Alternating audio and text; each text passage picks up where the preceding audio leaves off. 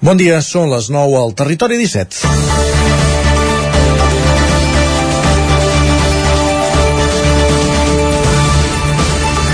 Ahir va fer 5 anys dels escorcolls a la Conselleria d'Economia, aquells fets pels quals es va condemnar Jordi Sánchez i Jordi Cuixart en el judici del procés. El món mediàtic estatal, ahir, doncs, precisament, aquell que feia aquests 5 anys, el món mediàtic estatal va esclatar amb l'anunci del president de la Junta d'Andalusia, el popular Juan Manuel Moreno Bonilla, d'eliminar l'impost de patrimoni i convidar els catalans a empadronar-se a la comunitat per pagar menys impostos.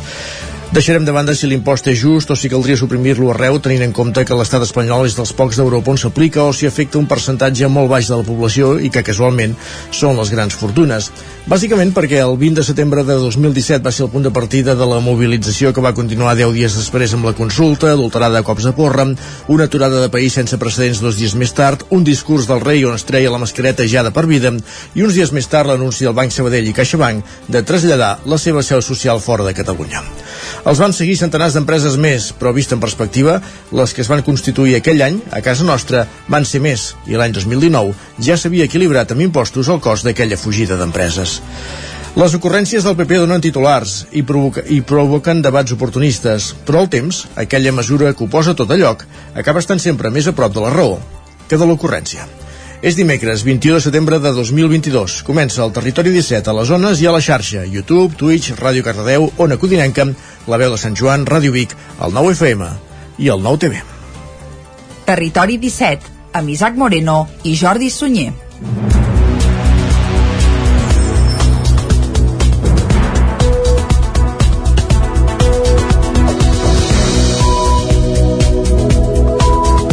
Passen dos minutets de les 9 del matí d'avui, dimecres, dia 21 de setembre de 2022 i arrenca ara mateix un nou Territori 17 que avui, com sempre, durant la primera mitja hora us acostarà tota l'actualitat de les nostres comarques. A dos quarts de deu, nosaltres puntualment el que farem és pujar el tren a la R3, com cada dia, a la Trenc d'Alba i tot seguit anirem cap a l'entrevista. Avui, Isaac, des d'on? Avui ens quedem al 9FM a Vic per conversar amb Jaume Llars, que ens acompanyarà a l'estudi, músic i director musical de la balada d'en Soler Seguranya és una òpera de butxaca que s'estrena el proper divendres, 30 de setembre, a l'Atlàntida de Vic. De tot plegat, de la història i d'aquesta òpera de butxaca, com dèiem, en parlarem, com dèiem, amb el seu director musical Jaume Iats a partir de dos quarts de deu. Va, recordem que s'estrena no aquest cap de setmana, sinó el vinent, i que és molt aconsellable, eh? Ara ja ho avancem, sí. i tant que sí. Després de tenir el Jaume Iats aquí, el que farem és escoltar un dels contes del Premi de Narrativa Curta La Gralla al 9-9, oi? Avui, en concret, els estius vora el mar, de Judit Mercadal Requena, de Santa Eulàlia de Ronçana. Una de les obres finalistes d'aquesta edició. Doncs vinga, cap a vora el mar anirem, si més no, virtualment, a dos quarts, bé, cap a tres quarts de deu. Després, un xic abans de les deu, arribarà el moment de la cançó del dia, i tot seguit a les deu actualitzarem de nou butlletins informatius i cap a un quart d'onze, el territori sostenible. Amb en Jordi Givert recorrent les nostres comarques, el nostre territori per conèixer iniciatives sostenibles a casa nostra. Després, dos quarts d'onze, el moment de l'hora Sánchez, amb piulades i cop d'ull a les portades del 99.cat, i tot seguit qui ens visitarà, com fa quinzenalment aquí a Territori 17, serà en Jordi Soler. A l'Alegria Interior ja sabeu aquest espai de programació neurolingüística, de Mindfulness, on continuem avançant per conèixer-nos interiorment, com diu el, la el nom de la secció. Clar que sí, i per acabar, els dimecres ho fem amb literatura i llibres. I avui, en companyia de la Caral Campàs, des d'Ona Codinenca conversarem amb Miracle Sala per parlar de les jornades literàries de Santa Maria d'Oló dels propers dies 1 i 2 d'octubre. Doncs vinga, ara que ja sabem tot el menú per avui, el que hem de fer és arrencar i com sempre ho farem repassant l'actualitat de les nostres comarques. Ja ho sabeu, les comarques del Ripollès, Osona, el Moianès i el Vallès Oriental.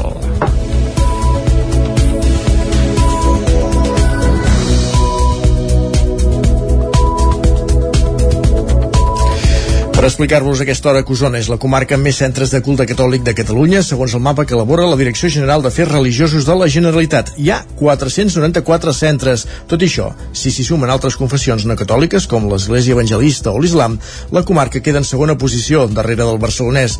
Des que registren les dades, la tendència d'aquests centres s'ha estabilitzat.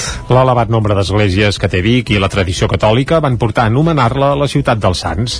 I segons el mapa religiós de Catalunya, que fa la Direcció General Nacional d'Afers Religiosos de la Generalitat, a Vic hi ha actualment 43 centres de culte catòlic.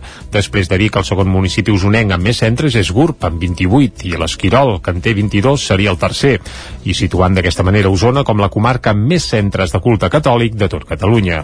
Tot i això, si es comptabilitzen totes les confessions no catòliques, les xifres situen la comarca en segon lloc, pel darrere del barcelonès, que en té 715, pels 541 que hi ha a Osona. Aquestes altres confessions, que no siguin la catòlica, van créixer molt vinculades a onades migratòries, sobretot entre els anys 90 i el 2010, i actualment es mantenen en el temps. L'Església Evangèlica és la que més ha augmentat i ha passat de 9 a 32 centres. També ha crescut l'islam, que ha passat de 5 a 8 a la comarca. Altres, com els testimonis de Jehovà, han reduït, en canvi, el nombre d'espais. I encara sobre qüestions religioses, el Bisbat de Vic eh, va convocar el 2019 per fixar les línies de futur de la diòcesi Uh, una sínoda. La sínoda, mm. la sínoda que va convocar, com dèiem, el bisbe. L'integren 89 persones que es reuniran cada 15 dies fins al mes de gener per establir línies com més concretes sobre les que el bisbe acabarà tenir l'última paraula. El sínoda ha acabat ha d'acabar a finals de l'any vinent. Les 89 persones que formen l'Assemblea Sinodal van entrar diumenge a la nau central de la Catedral de Vic en la missa que obria aquesta nova fase, la de l'Assemblea, en el sínode diocesà que el bisbe Romà Casanova va convocar el 2019. El formen 31 praderes, 10 religiosos i 48 laics, que aquest cap de setmana es van comprometre formalment davant del bisbe i van rebre el material resultant de la primera fase del sínode. En aquesta primera part hi van participar més de 1.300 persones de tota la diòcesi. A partir de l'1 d'octubre l'Assemblea es trobarà cada 15 dies al Seminari de Vic, a porta tancada de les 9 del matí a les 9 del vespre. Quan acabin les reunions de l'Assemblea Sinodal, al mes de gener, s'elaborarà un document amb les conclusions. Romà Casanova el va encetar el 2019, considerant que calia activar aquest instrument que té la diòcesi per reflexionar sobre el seu futur. Casanova assenyalava les transformacions socials, el context de reculada de la fe cristiana o la necessitat de fer canvis en la, com en la comunicació com a elements a tenir en compte a l'hora d'abordar la relació de l'Església amb la societat actual. Josep Maria Riba és el vicari general del Bisbat de Vic. De, de discutir, germanar i treballar perquè puguin sortir. No hi ha coses concretes. Ha arribat idees, idees, idees. Ara es tracta de treballar totes aquestes idees que han sortit. Hi ha dues paraules que penso que són molt importants, que és la escolta, com, ens, com hem escoltat tot el que s'ha fet arribar, com ens escoltem els 80 i pico que serem allà, i com, amb caritat, amb la paraula caritat, amb el sentit profund d'estimació, de, de respecte i de diàleg, ho tirem endavant. La convocatòria de sínodes és molt poc freqüent. Al Bisbat de Vic, els dos últims cops que s'havien fet eren el 1945 i el 1748. En els dos casos s'havien fet sense la participació de laics. Més qüestions. Salut activa mesures preventives per un possible brot de legionel·losi a Sant Celoni, al Vallès Oriental. Els casos es van localitzar entre els dies 10 d'agost i 3 de setembre i ara s'estan aplicant una sèrie de mesures preventives. Òscar Muñoz, Ràdio Televisió, Cardedeu. Després de la detecció de tres casos en persones residents al poble, el Departament de Salut ha activat el protocol preventiu per la possible existència d'un brot de legionel·losis a Sant Celoni. S'ha obert una investigació ambiental per localitzar l'origen del possible focus. En paral·lel, Salut ha establert les mesures preventives habituals que s'apliquen ja al municipi, segons informa l'Ajuntament. Mesures com tancar el rec dels espais verds i del camp municipal de futbol aturar les màquines escombradores i els aparells de neteja viària o de contenidors amb aigua a pressió. També s'han intensificat els controls a les empreses. Salut informa que es pot veure sense perill l'aigua d'abastiment públic tant de casa com de les fonts públiques. També es pot fer servir l'aigua de l'aixeta per a la higiene personal i per cuinar. El darrer brot important de la junalosi al Vallès Oriental va ser produït amb un torneig i amb un meló al desembre de l'any passat. Més qüestions, gràcies, Òscar. Les pistes del Col·legi Sagrat Cor de Vic s'obriran fora de l'horari escolar per tal que tothom en pugui fer ús. Diumenge es va fer un acte per celebrar l'inici de la iniciativa. L'Ajuntament de Vic va proposar fa uns mesos als responsables de la congregació Sagrat Cor que el pati de l'escola s'obrís a tot el barri i a la ciutat fora de l'horari escolar, un model que ja s'aplica, per exemple, a l'escola Salaric, també de Vic. Tal com va recordar diumenge el director educatiu del centre, Miquel Maideu, l'escola està situada en un punt estratègic a la confluència de tres barris, que són la Calla, l'Estadi i el Remei. I a més, també està situada al costat d'un dels equipaments que ha de ser referència a la ciutat, la nova Biblioteca Pilarín Vallès, que s'inaugurarà el proper 7 d'octubre.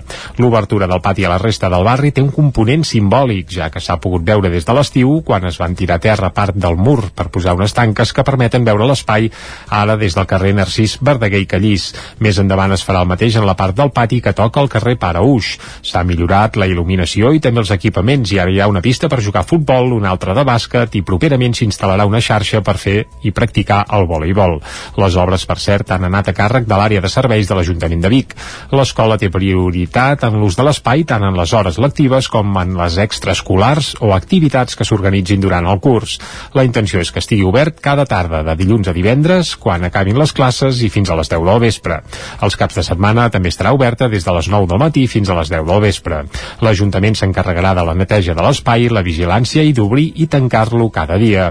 La inauguració es va fer aquest diumenge al matí amb una xocolatada. També es van organitzar activitats com jocs de taula, pintada de cares, animació infantil, manualitats i un taller de castells amb els segals d'Osona. Anem cap al Ripollès. Molló cobrirà la pista esportiva i farà millores per un import de 452.000 euros. Isaac Muntades, des de la veu de Sant Joan. A finals d'agost, l'Ajuntament de Molló va aprovar definitivament el projecte de millora de la zona esportiva del municipi. Els treballs consistiran en la construcció d'una coberta sobre la pista esportiva del municipi. El projecte tindrà un cost de més de 452.000 euros, dels quals una mica més de la meitat, 250.000, venen subvencionats pel POAS de la Generalitat de Catalunya. 90.000 euros provenen de la Diputació de Girona i els 112.000 restants els aportarà el consistori de fons propis. A més a més, el projecte ha tingut un cost de redacció de gairebé 18.000 euros, que han estat íntegrament subvencionats pel Fons Econòmic Extraordinari 2022 de la Diputació. L'actuació s'iniciarà amb l'extracció de les columnes d'il·luminació actuals i l'obertura de rases de fonamentació per tal de fer els fonaments dels pilars que sostindran la coberta. Tot seguit es construiran els vuit pòrtics principals, formats per pilars i jàsseres de fusta laminada de secció variable per tal d'optimitzar la secció de fusta en cadascun dels punts de l'estructura, ancorades amb suports de cera als fonaments que separaran la fusta del terreny per no transmetre la humitat. Les encavallades formaran una coberta a dues aigües amb el carener descentrat i una alçada lliure de 6 metres i mig en el punt més baix. L'acabat de la coberta serà de teula ceràmica àrab. Per tal de protegir l'espai del vent i la pluja es col·locaran unes làmines de fusta de pi tractades formant un faldó a la façana de 3 metres i mig, quedant una alça lliure per sota d'un metre més. Finalment es realitzarà una modificació de les instal·lacions amb la implantació de les noves llumaneres amb tecnologia LED. També s'instal·laran plaques solars fotovoltaiques als vessants est i oest de la coberta i els captadors solars per tirar aigua calenta sanitària que es connectaran amb l'equipament de la piscina. Gràcies, Isaac. Anem cap al Vallès Oriental altre cop. El primer cap de setmana de la setena edició del Festival de Jazz de Vigues i Riells del FAI acaba amb èxit. La promoció continua el 24 i 25 de setembre, que era el campàs zona codinenca. Vigues i Riells del FAI organitza novament el Festival de Jazz enguany sense cap restricció pandèmica. Dos caps de setmana de propostes variades de jazz amb artistes internacionals de renom a preus assequibles. Aquesta programació respon a una aposta 100% municipal i cada any compta amb centenars d'assistents.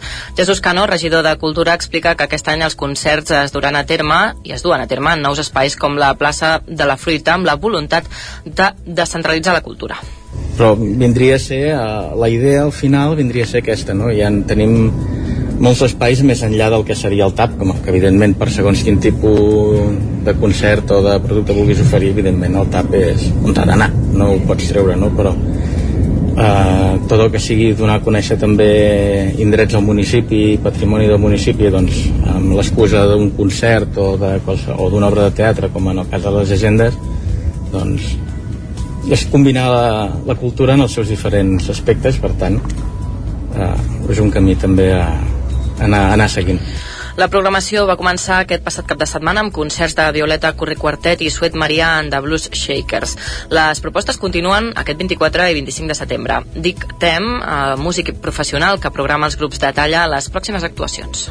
Igual, dissabte al vespre, a les 10, al TAP de Vigues, eh, ve l'Ignasi Terrassa, un artista internacional, un pianista internacional, que ve a presentar un disc nou que és eh, eh, amb el seu trio, que es diu Unusual Trio, és un trio inusual amb bateria i saxo, músics de primera categoria nacional també.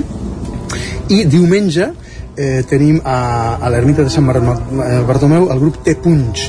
T-Punch és un grup d'una trajectòria llarguíssima de la zona del Vallès Oriental Per accedir als concerts cal reservar entrada a entrapoles.com o bé adquirir-la a la taquilla 30 minuts abans de l'espectacle. L'entrada té un cost de 3 euros i és gratuïta per menors de 12 anys. Gràcies, Caral. Més qüestions. Anem cap a Torelló, la plec de Roca Prevera a Torelló es va acabar dilluns amb un gran èxit de participació. Durant tot el cap de setmana, el santuari ha acollit centenars de persones que han gaudit de les tradicionals ballades de gegants als concerts o que han comprat butlletes a l'emblemàtica tòmbola. També s'ha pogut veure l'estrena del periodista Salvador Sala com a pintor d'aquarel·les. Exacte. Dilluns, diada de Roca Prevera, va acabar el primer aplec post-pandèmic i també el primer fet després de la consulta que va reformar Roca Prevera com a festiu local a Torelló. El balanç que en fan des de l'organització és més que positiu. Escoltem en aquest sentit a Miquel Sala, de la Comissió del Santuari de Roca Prevera. Aquest any ha estat fantàstic perquè la pandèmia ja està passada, superada, però a més a més és perquè s'ha pogut fer un treball des d'un principi amb, amb mesos d'antelació molt bé i estem molt contents temps, volem dir, el temps també va acompanyar i s'han recuperat activitats habituals de la plec, com la cercavila i el Vall dels Gegants, concerts, la pujada al santuari amb el carrilet o els sortejos a l'emblemàtica tòmbola. Una altra de les novetats ha sigut la primera exposició que fa com a pintor d'aquarela el periodista torellonenc Salvador Sala. És tot un honor i una emoció per un torellonenc doncs, aquí a Roca Barbera que hagi fet la primera exposició.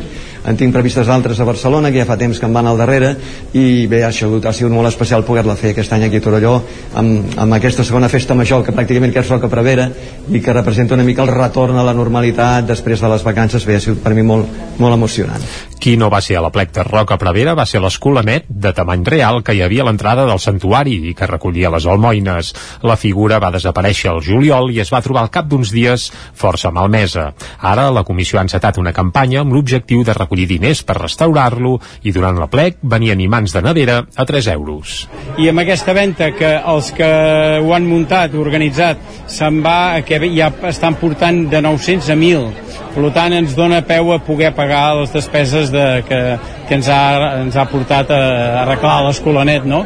que és molt sentit per tothom en cap moment hem pensat comprar-ne un de nou sinó que tothom el que vol és que restaurem el que ja tenim qui explica que volen restaurar el que ja tenen és Miquel Sala, de la Comissió del Santuari de Roca Prevera. L'any que ve, doncs, segurament que ja hi haurà festa, de nou amb l'escolanet ben eh, mudat i tocat i posat. I d'aquí a dos anys, a més, la plec de Roca Prevera celebrarà el centenari.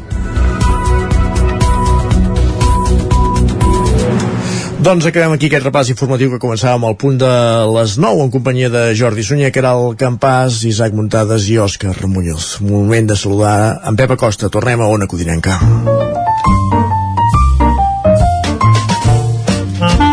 Casa Terradellos us ofereix el temps. I saludar en Pep Acosta vol dir parlar del temps i ja ens alerta que aquest cap de setmana pot ser que arribi mogut, eh? Sí, sí. Uh, però vaja, de moment el saludem. Bon dia, Pep. Comença l'espai del temps. I tant, comença, uh, comença. bon dia. Bon dia, bon dia. Uh, pendents del cel, pendents del cel, per què? Perquè uh mhm. -huh. tots els mapes van confirmant que aquest cap de setmana tindrem uh, un episodi de pluja, de mhm. pluja general, pluja generosa, ho tenim ja gairebé aquí tocar i els mapes de moment no, no ballen, de moment els mapes ho van confirmant ostres, seria una notícia excel·lent i aviam, aviam què acaba passant eh? jo crec que, que sí, eh? que plourà bastant no serà eh, cap cosa extraordinària però per fi sembla que tenim unes pluges generals eh, a tot el país i entre els 20 i els 50 litres cosa que pot ajudar moltíssim a pal·liar la sequera i a pal·liar aquest dèficit d'aigua que hi ha en els embassaments.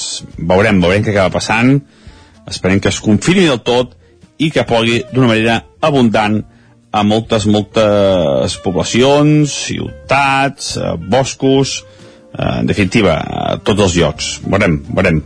Demà ja anem concretant encara una mica més. El que tenim clar és que avui serà un dia molt tranquil, anem avançant la setmana, ahir jo em pensava que plouria cap a les zones del Pirineu. Mm, no va fer res al final. Um, no sé si algun lloc va fer quatre gotes poder però poca cosa. Uh, que, jo, que, que a mi consti no, no hi va haver precipitacions. I avui serà un dia molt setmana d'ahir. Tot i que les temperatures aquesta nit han baixat una mica més. Entre el 10 i els 15 graus a l'interior la majoria de temperatures i al peritoral també. Per sota dels 10 graus al Pirineu. Al Pirineu no hi dormo, però segur que allà fa falta una bona manta per dormir, un bon jersei a la nit per sortir, i és que a aquelles zones el fred comença a ser bastant intens a les nits. Durant el dia, bastant de sol i creixement de nuvolades a la zona del Pirineu. Crec que avui mm, sí que deixaran pluges. Hi ha les condicions eh, més òptimes perquè deixin pluja aquesta tarda. Pluges escasses, molt localitzades, però que en qualsevol cas sí que poden caure. Mm, forma tempesta. Però que dir, eh? poca cosa, eh? molt poca cosa. Si és que arriba a caure, que jo crec que avui sí que plourà. Les temperatures màximes una mica més baixes. La majoria entre els 20 i els 25 graus. Aquest ambient de tardor que es va normalitzant, que es va imposant, que per fi es va fent notar. I això, eh, molt poca cosa més, eh, dia tranquil, dia d'espera, dia d'impàs, esperant aquests canvis de, del cap de setmana que el tenim aquí a tocar, de manera concretant, i sobretot divendres farem la crònica d'aquest canvi de temps important. Moltes gràcies, adeu. Adeu, estarem Vinga, pendents, eh? Exacte, hi ha qui avisa no és traïdor, eh? Ah, I si en Pep avisa, vol dir que el cap de setmana paraigües als dits, perquè la cosa vindrà remullada i tant de bo que ja fa falta, també, eh? Ara ho has dit. Vinga. Fem una, una un excursió cop, fins al cap al quiosc, va, ara, també, va. Casa Tarradellas us ha ofert aquest espai. Per tant, és moment de conèixer què diuen els diaris avui a les seves portades.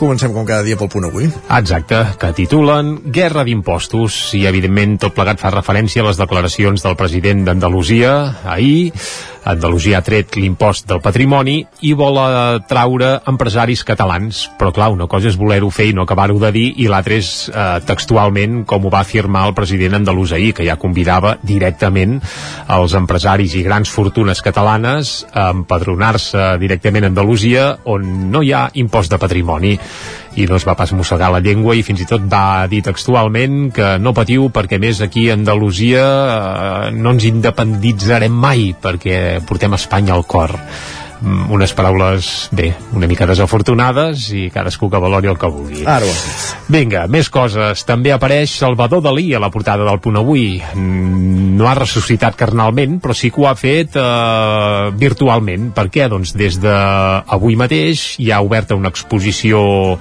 immersiva a Barcelona, concretament al barri del Poble Nou, a l'Espai Ideal, i titulen Salvador Dalí entra en el metavers, una exposició fusiona el geni surrealista amb la tecnologia capdavantera. Suposo que és aconsellable aquesta exposició. Encara no l'hem vista, però n'hem vist alguna altra que ha passat per aquest espai i val molt la pena. També apareix a la portada del punt avui que Martí Gironell eh, rep el 55è Premi Bertrana per una nova novel·la eh, Martí Gironell, que ja fa temps que va deixar l'espai de, del trànsit i es dedica a escriure novel·les. De Van fet, sentir amb en Salvador Sala. Va, va, premi, i... va, va premi per novel·la, aquest home. Sí, sí, ja gairebé sembla, és, és lleig dir-ho així, eh? però aviam quin premi queda, aniré allà, els diré sí. que trec d'allò i com que ja té un cert renom i bé, cadascú que pensi el que vulgui, la conclusió és que ha rebut el Premi Bertrana i parlava del Martí Gironell emparentant-lo o casant-lo amb el Salvador Sala que sentíem abans, que ara fa aquarel·les, perquè tots dos havien portat la informació del trànsit a TV3 anys ençà, ho recordes o no? En Salvador Sala no. Doncs sí, sí, havia fet el trànsit a, a, TV3, quan hi havia aquella secció d'allò, i en Martí Gironell també. Salvador Sala, el que puc recordar és que el va enganxar l'atemptat de les Torres Bessones com a, ha acabat d'aterrar a Washington com a corresponsal. Doncs, sí, bé, bé. Uh, doncs ara ja ho hem descobert abans, també fa aquarel·les, eh? Uh, va, més coses. De... Tanquem aquest parèntesi, seguim repassant portades, anem a l'ara. El titular principal de l'ara és per Putin, que convoca referèndums a les regions ocupades. És a dir, això vol dir el Donbass ha convocat quatre referèndums on en teoria la població que queda per allà ha de decidir uh, si ja els està bé seguir ocupats pels russos, és a dir, formar part de Rússia o no. Ocurrències, mm, Sí. Uh, accelera, ja ho diu, eh, accelera els plans d'annexió amb plebiscits immediats a Donetsk, a Lugansk, a Kherson Kherson i a Zaporizhia. El canceller alemany, Scholz, es resisteix a enviar tancs a Ucraïna per evitar una escalada titulen també. I eh, també apareix Dalí. Dalí, com no l'havíem vist mai amb aquesta exposició que des d'ahir es pot veure a Barcelona. I, per cert, també els autobusos de Barcelona faran vaga per la Mercè. Això també apareix a la portada de l'Ara, eh? Molt bé. Uh, si algú hi ha de fer cap, que ho tingui present. Més qüestions. Deixem l'Ara, deixem el punt avui, fem un cop d'ull a l'avantguàrdia. Govern central, Generalitat i Foment carreguen contra l'ofensiva fiscal de Bonilla. Bonilla, evidentment, és el president andalús que, com dèiem abans, fa una crida pública als empresaris catalans per anar-se'n a Andalusia. I la fotografia principal de l'avantguàrdia és molt nostrada, és pel pantà de Sau. La sequera persisteix malgrat les últimes pluges i es veu no el campanar, sinó tota l'església de Sau que, sí que, que ja llueix eh, sense aigua. M'he volgut fixar en qui era l'autor i no ho he pogut descobrir, perquè no el citen, bàsicament. Ostres, doncs... La foto l'apropien a l'avantguàrdia. No està firmada aquesta foto. L'avantguàrdia, està signada com l'avantguàrdia, per tant pot ser qualsevol. Bé, potser els hi ha fet eh, l'alcalde de Vilanova i els hi ha fet arribar, bé, vés a saber. Doncs bé, la foto fa goig, es veu el campanar eh, i tota la nau de l'església i fins i tot un tros del cementiri que queda al bàndol esquerre mirat des dels cingles de Tabertet que ja treu el cap. Per tant, d'aigua és evident que en fa falta, tant de bo aquest cap de setmana com augura en Pep Acosta vingui remullat i serveixi perquè les reserves d'aigua doncs, creixin una mica més. També a l'avantguàrdia les províncies separatistes d'Ucraïna es volen unir a Rússia per la via ràpida. La via ràpida és un referèndum. Anem al periòdico. L'Ajuntament tomba 7 de cada 10 terrasses Covid a Barcelona. Uh, Déu-n'hi-do, 7 de cada 10 són moltes. També uh, cuidar un malalt costa 31.000 euros a l'any en un reportatge que apareix també a l'interior del periòdico. I les regions ocupades d'Ucraïna votaran si s'uneixen o no a Rússia. I acabem amb un darrer minut fent un cop d'ull a les portades que s'editen des de Madrid, comencem pel país. Rússia encoratja a fer referèndums per annexionar-se zones d'Ucraïna. Aquest és el titular principal, amb una fotografia de Vladimir Putin. També el govern critica la condemna a Grinyant pels ERE, eh, també amb el, la mirada posada cap a Andalusia. El PSOE defensa els seus pactes amb Bildu eh, pels avanços socials. Això també ho trobem a la portada del país. Més portades ibèriques. El Mundo. Putin explota el xantatge nuclear amb l'annexió express del Donbass, aquest és el seu titular. A l'ABC, doble relliscada d'escrivar, Uh, aquesta doble patinada, segons ells, és perquè els homes de negre enviats a Brussel·les desconfien de la seva reforma de les pensions i la Moncloa refusa la seva idea de recentralitzar els impostos. Serien els, vaja, les dues patinades que hauria fet el ministre. I a la Razón, pressió del PSOE a Sánchez per a baixar els impostos. Aquest és el titular principal. Doncs dit tot això, fem una petita pausa i tornem d'aquí 3 minuts. Fins ara mateix. El nou FM, la ràdio de casa, al 92.8. Amb Pradell estalvio energia i cuido la meva butxaca i el medi ambient. Posa't en mans de Pradell, són experts en calderes de gas i condensació, estufes de pèl·let, energia solar, terres radiants i geotèrmia. Pradell instal·la calderes de biomassa per a particulars i per a empreses. Si vols estalviar un 50% en consum, contacta amb Pradell i passa't a les energies renovables. Pradell som a l'Avinguda Països Catalans 27 de Vic. Telèfon 93 885 1197. Pradell.cat. Cobertes serveis funeraris. Els nostres tanatoris estan ubicats en els nuclis urbans més poblats de la comarca d'Osona per oferir un millor servei. Tanatori de Vic, Tanatori de Manlleu, Tanatori de Centelles i Tanatori de Roda de Ter. Sabem que són moments difícils i per això el nostre compromís és atendre-us en tot moment amb un tracte humà, sensible i respectuós. Cobertes serveis funeraris. Telèfon 24 hores 93 883 23 46. Centre Auditiu Aural. Som al carrer Jacint Verdaguer 17 de Vic. Telèfon 93 883 59 79. Aural Vic, el camí cap a la millor audició i el benestar. Quan tingui un problema amb la seva caldera, vagi directament a la solució. Truqui sempre al servei tècnic oficial de Saunier Duval i despreocupis, perquè som fabricants i coneixem les nostres calderes peça a peça. I ara aconseguiu fins a 300 euros en canviar la caldera. Informeu-vos al 910 77 10 50 o a saunierduval.es. Cocodril Club. Si t'agrada la bona música dels anys 60, 70 i 80, escolta el 9 FM als matins de dissabtes i diumenges d'11 a 1. És el temps del Cocodril Club, tot un clàssic de la ràdio, amb les bases del pop-rock, les llegendes, les cançons que s'han convertit en autèntics himnes. Recorda, dissabtes i diumenges al matí, d'11 a 1, al 9 FM 92.8. Cocodril Club, el programa revival de l'Albert Malla. Hasta luego, Anuncia't al 9FM. La màquina de casa. 9 3 8 8 9 4 9 4 9 Publicitat arroba al 9FM.cat. Anuncia't al 9FM. La publicitat més eficaç.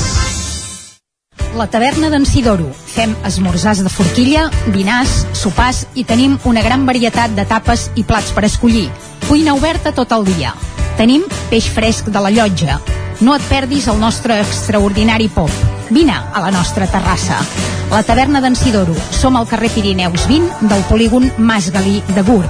Telèfon 93 883 1689.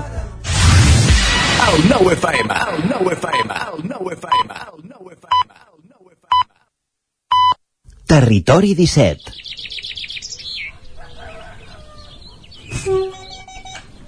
A Tren d'Alba. Cada dia els usuaris i usuàries de la línia R3 de Rodalies que veuen sortir el sol des d'un vagó ens expliquen les gràcies i les penes del primer comboi que uneix Ripoll i Barcelona o les feixugues jornades amb el tren després de treballar.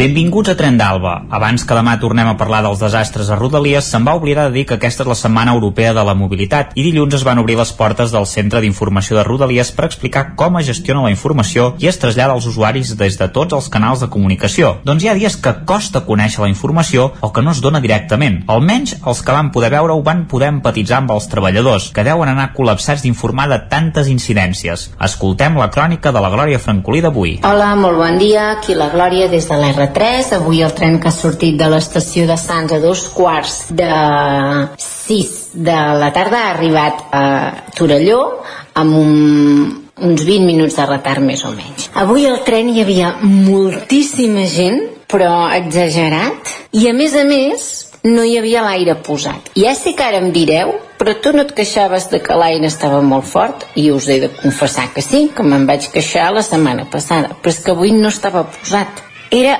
terrible, igual com si fes molt fred però amb calor. A part hi havia molta més gent que l'altre dia i per tant eh, he hagut d'anar fer, de fer anar el ventall i malgrat fer anar el ventall feia molta calor. La gent suava, a part hi havia això que us deia, molta gent. Imagineu-vos si hi havia gent que fins a Vic la gent ha hagut d'anar dreta. Hi ha hagut d'anar molta gent dreta. Jo no, perquè jo agafo el tren sempre a Sants i a Sants és l'única estació de Barcelona on es pot seure. A Catalunya també tens bastants possibilitats, però no hi ha garantia, mentre que a Sants sí que n'hi ha. O sigui que, mira, una mm, recomanació. Si mai aneu amb tren, eh, sigueu on sigueu de Barcelona, aneu a buscar-lo Sants si teniu ganes de seure, perquè ja us dic jo que avui, si l'hagués agafat tan sols a la Sagrera, no hauria pogut seure fins a Vic, de la gentada immensa que hi havia. I una cosa que m'ha agradat molt ha sigut que quan hem arribat a Torelló, crec que hem baixat 100 persones, i no exagero. Si imagineu-vos com anava el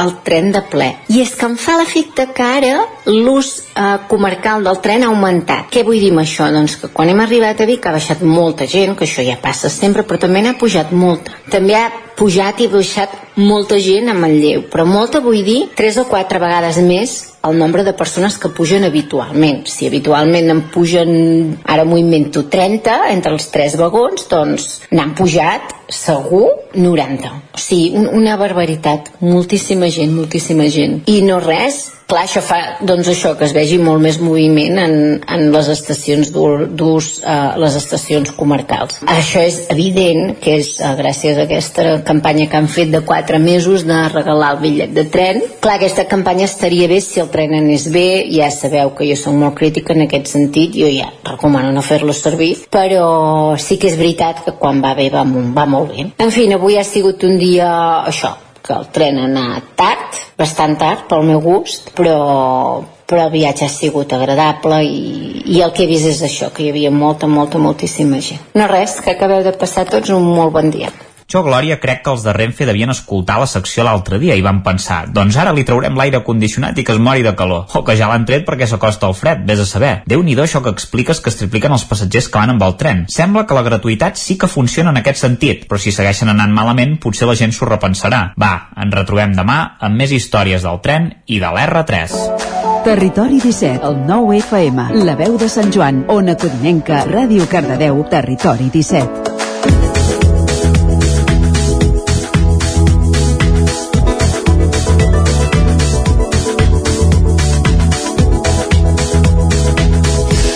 Doncs vinga, passen 4 minutets de dos quarts de 10 del matí, seguim en directe a Territori 17 i aquí tenim ara entre nosaltres és a Jaume Iats, que a part de ser un gran músic, resulta que d'aquí uns dies estrenarà una òpera de butxaca.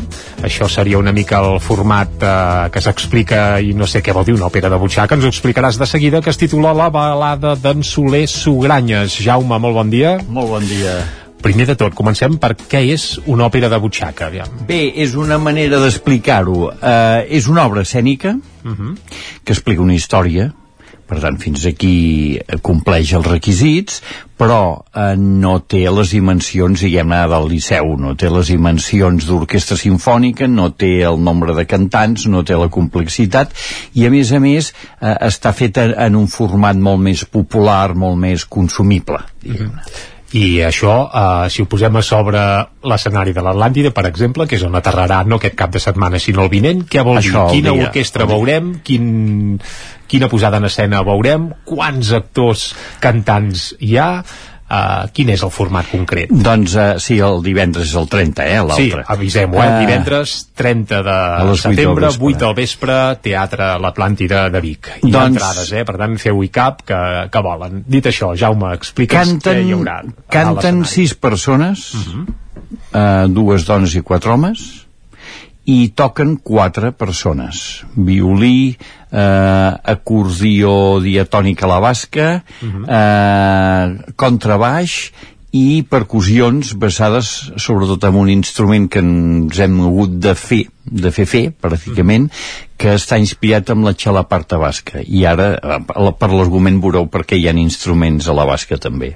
Doncs va, ara que ja sabem què hi haurà dalt de l'escenari i per què és una òpera de butxaca i no una òpera convencional, perquè està tot una mica més comprimit pel que fa personal, anem a detallar qui és en Soler Sugranyes. En Soler Sugranyes, alguns, us, eh, sobretot els que ja, segur que li sona, ja tenim sí. una certa edat, per dir-ho així, ens sona, era un xicot uh -huh que eh, era un militant anarquista d'aquests d'acció directa que en deien al, a, a aquella època eh, de la colla que us sonarà molt més d'en Puig Antic uh -huh. i que eren eh, per tant feien una lluita contra el règim de Franco antifranquista des d'una posició anarquista. Uh -huh. Aleshores, aquest xicot, des de molt, molt jove, va, va tenir 10.000 activitats eh, de, de mobilització obrera i de, de lluita antifranquista, eh, i eh, el que retrato en aquesta òpera, en aquesta obra, és els darrers tres anys.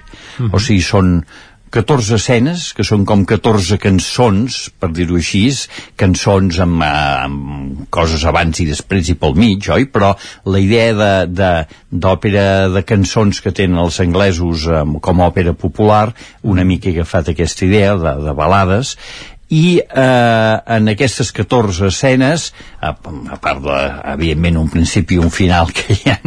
Sí, el, el final eh, acaba com acaba la història eh, acaba com la història, que és com acostumen no, no, no a acabar la, gaire res, eh, però, acostumen però, a acabar les històries d'òpera. Eh, bé, en sí. Soler Sobranyes doncs eh, es dedicava a fer eh, campanyes contra franquistes i a obtenir eh, diners per aquestes campanyes. Per tant, comença eh, eh, robant eh, un banc a la Cerdanya uh mhm. -huh. i allà el, el, amb ell i la seva colla el, els atrapen. Uh mhm. -huh. I a partir d'allà doncs imagineu-vos les escenes de Via Laietana, de presó, de judici, etc etc. condemnat perquè no té delictes de sang, per tant no el poden condemnar de cap assassinat, com en Puig Antic, que per això van uh, passar pel Mhm. Garrote Vil, uh, i a ell només el condemnen a 50 anys de presó. Bé, aquest només és, evidentment, molt relatiu, però Em, crec que es va escapar de la presó, oi? Exactament. I a Eh, més acompanyat de membres d'ETA. l'envien a Segòvia i quan arriba a Segòvies eh, li proposen eh, als bascos de eh, fer la fugida, la famosa fugida de Segòvia i per tant fugen 29 presos. Som a l'any 76 El- l'atracament és el 73 i això és el 76 el Franco mor al 75, perquè ens situem, però clar, encara acabat de estava tot morir com i estava, tot eh, penjat i ell decideix fugir amb aquests.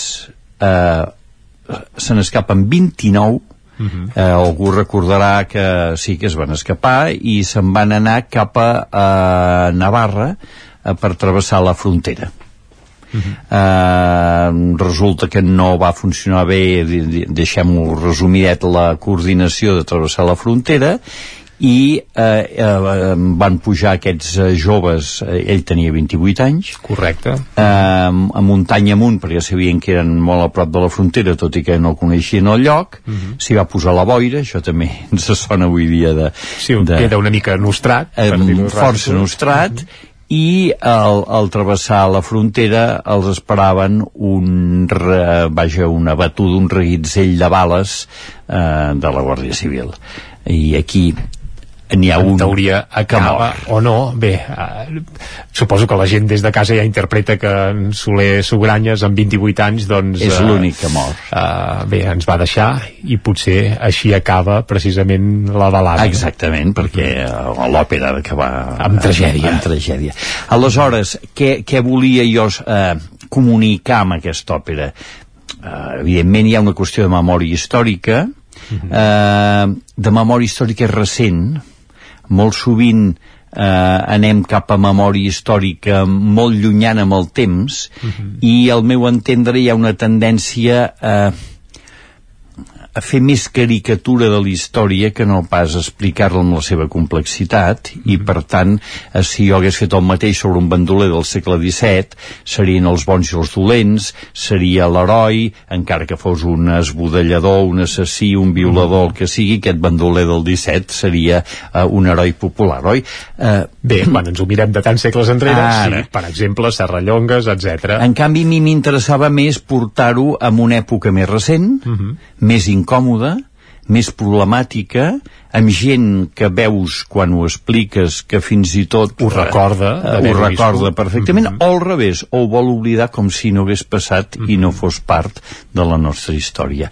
Això eh, em, em permet tocar un tema, que és el tema de la indignació contra situacions de, del poder o de la dominació i a la revolta a veure en casos de veure una injustícia un, un, una situació que clama al cel com era la dictadura de Franco eh, quina és la, la, la posició que és correcta que és, que és digna, eh, que és eh, eh, comprensible i com eh, doncs eh, eh, no, no m'interessa de cap de les maneres de, de situar eh, l'Oriol Soler o ningú de, dels, de, dels grups que hi apareixen ni com un sant ni com un eh, fer, fer una Sí, sí, un eh, ídol, un eh, ídol, no, no, no al revés. al revés, el que m'interessa és posar sobre la taula eh, la, la incomoditat de la història i de les decisions personals quan et trobes en la complexitat de la història.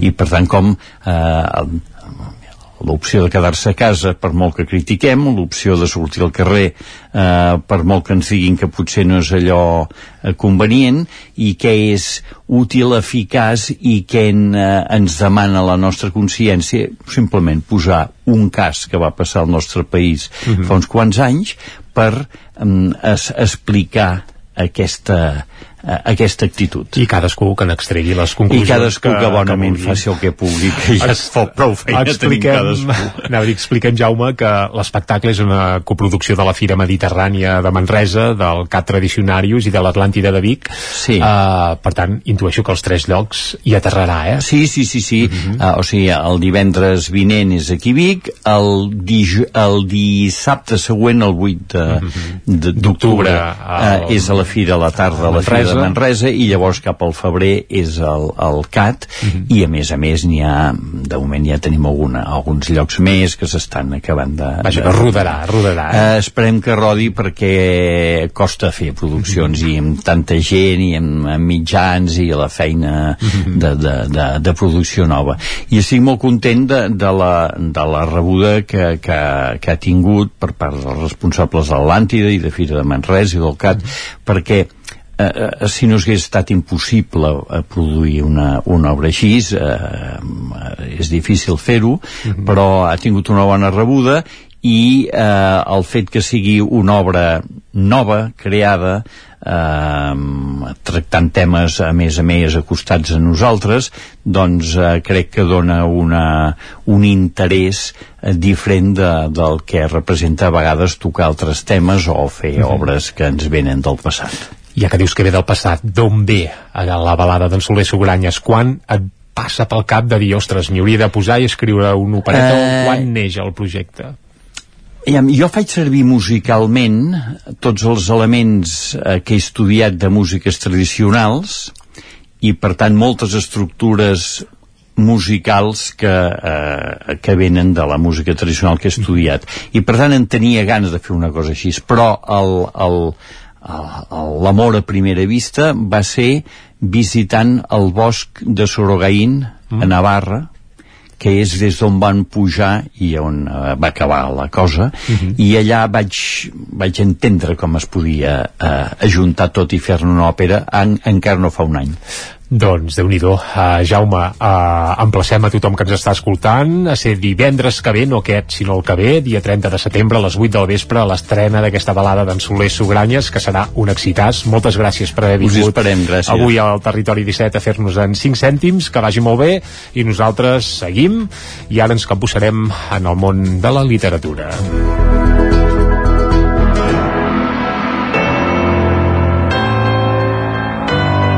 Territori, Territori 17. 17. Territori 17.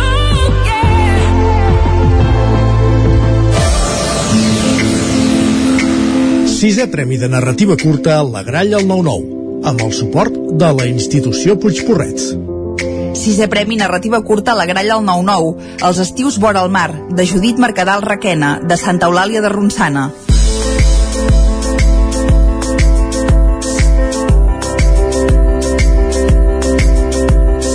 Els estius eren com bocins frescos de síndria.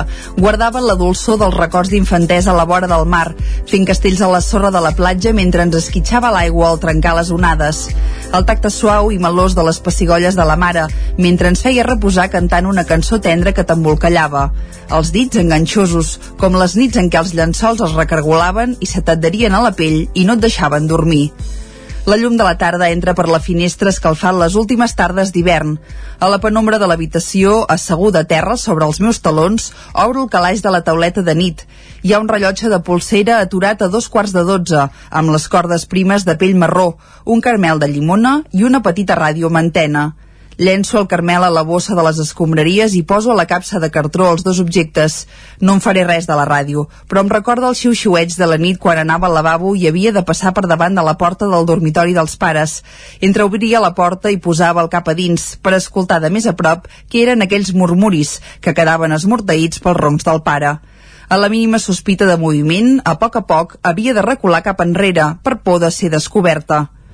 Amb la mà a terra topo sota el llit amb unes xancletes. Eren les que portava la mare per baixar a la platja. Encara fan aquella olor de plàstic barrejat amb la sal del mar. Les havíem comprat juntes en una botiga de la vora del passeig marítim. Jo m'havia capficat que volia un matalàs inflable en forma de tortuga, com el que havia dut el Marcel a la platja. Sabia que tenia guanyada la mare amb els meus siusplaus dolços i silenciosos. Va estar estona remenant entre la pila de matalassos, mentre jo treia el cap impacient pel costat de les seves cames per veure què hi trobava. Al final em va aconseguir el que semblava ser un cocodril. No era el que buscàvem, però jo no podia estar més contenta. Amb aquell animal tan gros i ferotge seria l'enveja de tots els meus amics. Laura, com ho tens? Va cridar des de l'entrada en Pere. Ara he llestit l'habitació principal. Només em queda fer una repassada general i ja podem marxar. D'acord, surto una estona amb en Roc al parc d'aquí al costat mentre tu acabes tranquil·la. Gràcies, rei, ja em queda poc. Dic mentre poso les xancletes dintre la caixa i miro per sobre que no m'hagi deixat res. Mentre torno cap al menjador, veig que està entreoberta la porta de la meva habitació. Obro el llum i observo que ens deixàvem sense recollir la làmpada de la tauleta de nit, Retiro la tauleta per desendollar-la i veig una capseta blava amb tot de petites petxines enganxades formant el dibuix del meu nom. Somric i la trec d'aquell forat per examinar-la de més a prop. A dintre hi ha tot d'objectes eclèctics, peces úniques, que formen en conjunt un tresor molt valuós que envejarien fins i tot els pirates més rics. Hi ha xapes de Coca-Cola rovellades, una polsera trenada de colors, un tiquet per pujar a les atraccions de la fira i un clauer en forma de planxa de surf eren bocins d'anècdotes que havíem acumulat amb la colla en aquells estius eterns que semblaven no tenir fi. Amb l'arribada del bon temps, els dies s'allargaven i començaven les vacances escolars. Deixàvem enrere les corredisses per arribar cada dia a l'escola, ens oblidàvem de les responsabilitats de fer els deures, estàvem preparats per pintar de colors i noves aventures al llenç infinit que se'ns mostrava al davant, abans que tot es tornés a diluir amb l'arrencada del nou curs. Les maletes dintre el cotxe eren el punt de partida que assenyalava l'estiu vora el mar, amb els retrobaments de la colla, perquè no hi ha res que es pugui comparar amb els vincles que es creen amb els amics de la costa. Tot i que ens passàvem tot l'any sense saber res els uns dels altres, quan ens tornàvem a retrobar era com si haguéssim saltat d'estiu a estiu sense haver-nos separat ni un instant. A la colla de quatre jo era l'única nena. Mai, però, hi havia hagut diferències entre nosaltres. Érem millors amics. Pujàvem a les roques per competir a veure qui s'atrevia a saltar més lluny. Corríem pel passeig marítim amunt i avall amagant-nos entre les palmeres i els bancs. Ens estiràvem cap al tard a la sorra de la platja a observar el moviment dels núvols mentre jugàvem a endevinar les seves formes. Compràvem gelats de maduixa i xocolata a la paradeta d'en Quim, un noi jove de 18 anys que només de veure'l em feia posar vermella com un tomàquet, mentre els meus amics es reien de mi i començaven a fer petons a l'aire mentre jo corria darrere d'ells intentant atrapar-los perquè aparessin. Dintre de la capsa hi ha també un pintallavis de color vermell intens amb la punta desgastada. La seva propietària havia estat la Paula, una nova veïna que va arribar a la comunitat l'estiu abans de començar l'institut. Era una nena alta i prima com una espiga, amb la cara plena de petites pigues i dos grans ulls verds vigilants, amb dues llargues trenes pèl roges que li penjaven a cada costat. Tots quatre ens vam quedar atemorits pensant qui era aquella nova intrusa que havia vingut a trencar la nostra pau. Les nostres pors, però, es van veure ben aviat alleugerides a veure que ella també s'avenia amb els nostres jocs, desafiant les normes i abraçant la llibertat de poder fer amb el nostre temps el que volguéssim. Ella em va introduir al món adult del maquillatge. Ens amagàvem al lavabo de casa, ens pintàvem l'un a l'altre els llavis i ens posàvem una mica de coloret de la mare. Quan ens tornàvem a mirar al mirall, ens enriolàvem sense parar, mentre la mare ens preguntava rere la porta quines malifetes estàvem fent. Amb ella també va iniciar el que seria el negoci que ens ajudaria a finançar la compra dels tiquets per pujar les atraccions de la fira i els gelats de cada tarda amb en Quim. Vam agafar un llençol vell de casa i el vam posar damunt d'un banc al mig del passeig marítim on teníem a la venda polseres trenades de tots colors i penjolls amb les petxines més boniques que havíem trobat vora del mar i que havíem fet juntes durant els matins. Agafo la capseta i surto de l'habitació per posar-la dintre la bossa que he deixat penjada al tamboret de la cuina. Aquí el Pere ja ho ha empaquetat tot en papers de diari per protegir la vaixella que ens emportàrem. Més ben dit, per emportar-nos part de la que queda després que en un dinar amb els amics dels pares jo agafés els plats per recollir-los de la taula i els deixés caure amb força a terra enfadada perquè els pares havien desfet el nostre acord. Ja no em volien portar a la parada d'autobús per tornar a casa, així que ja no podria anar aquella nit a la festa d'aniversari d'una de les meves millors amigues de la classe. Les discussions a casa van començar a formar part del nostre dia a dia. No volia anar a cap lloc que impliqués estar amb els pares. Era com estar empresonada als seus dictats, sense opcions de moviment. Jo em volia quedar a la ciutat i sortir amb els meus amics de l'institut. No se m'havia perdut res en aquell pis de la costa. Preferia quedar-me a dormir a casa d'alguna amiga mentre els pares marxaven uns dies a la platja. D'un estiu a un altre, la colla s'havia trencat. Quan pujàvem, intentàvem evitar-nos els uns als altres. L'esperit atrevit, que tant havia format part de nosaltres, havia estat substituït per la vergonya de cinc complets desconeguts. M'agafo amb força al marbre, tanco els ulls i començo a plorar. Els pares ja no hi són. Fa uns anys que ens han deixat, però fins ara no havia tingut les forces per tornar a pujar a l'apartament. Un cop acabada la universitat, havia tornat a passar alguns dies d'estiu amb els pares amb la companyia d'en Pere i després amb la d'en Roc quan va néixer. Els matins baixàvem a la platja tots cinc, preparats amb tota mena d'utensilis que ens farien més còmode el desplegament vora mar. El pare havia comprat una piscina petita perquè en Roc pogués xipollejar i jugar. Cap al vespre ens assèiem amb la mare a les hamaques de la terrassa, tapades amb una fina manteta i reiem recordant tots els moments viscuts en aquell apartament, les diferents etapes per les quals jo havia passat i de les que la mare em deia que tard o d'hora les viuria amb el meu fill. Tant de bo com passa amb els objectes ens poguéssim guardar tots aquests instants dintre d'una capseta per no perdre'ls mai. Amb un mocador m'aixugo les llàgrimes, obro l'aixeta i emullo la cara per tornar-me a refer abans de sortir. Remeno la bossa i trec un paper i un llapis per deixar una nota a l'empresa del trasllat per tal que l'endemà, quan vinguin, se'n recordin de trucar-me. Així sabré que tot ja està enllestit, preparat perquè hi pugui entrar la nova família.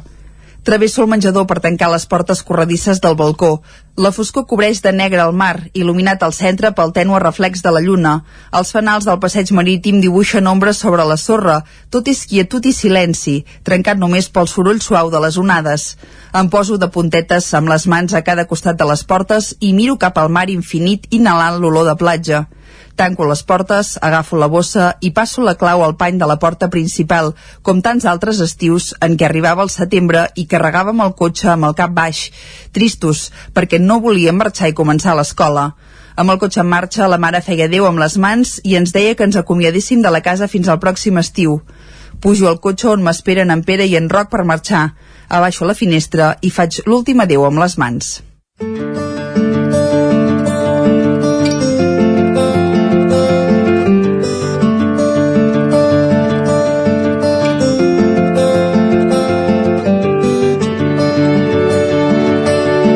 Els estius vora el mar, de Judit Mercadal Requena, finalista del sisè premi de narrativa curta La Gralla al 9-9, amb les veus de... Esther Rovira i Guillem Rico. Sisè premi de narrativa curta La Gralla al 9-9, amb el suport de la institució Puigporrets.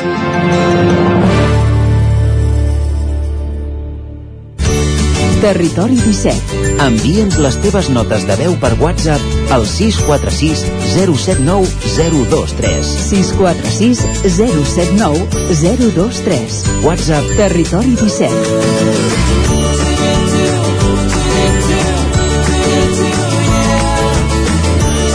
Territori 17. Som a Facebook, Twitter i Instagram amb l'usuari Territori 17.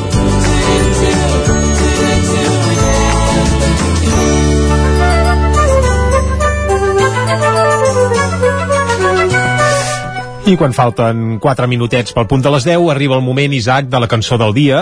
I avui portem una cançó gastronòmica. Va, què vol dir una cançó gastronòmica? Doncs resulta que en Guillem Remisa, un cantautor de Roda de Ter, que ja hem escoltat alguna vegada aquí a Territori 17, acaba de treure dos singles que, atenció, uh, no estan penjats, bé, sí que estan penjats a les xarxes, però si els vols adquirir físicament, resulta que cadascun d'aquests singles és una caixa de trufes fetes pel xocolater de Taradell. Què vol dir això? Doncs que en Guillem Remis ha tret dos singles, un és L'arbre ple de flors, en una versió especial que escoltarem ara, eh? i l'altre Camí trencat. Aquestes dues peces les va dur al xocolater de Taradell, el xocolater les va, les va escoltar amb carinyo i em va fer unes trufes fetes expressament en funció del que li venia al cap a l'hora d'escoltar de, la peça. És a dir, per exemple, què escoltarem ara? Doncs l'arbre pleny de flor. I per què ho diem així? Doncs perquè aquesta cançó, que el Guillem Remisa ja la incluïa en el seu darrer disc, se n'ha fet una nova versió gravada en francès, on Guillem Remisa canta al costat de la cantant belga Émilie de Baquet.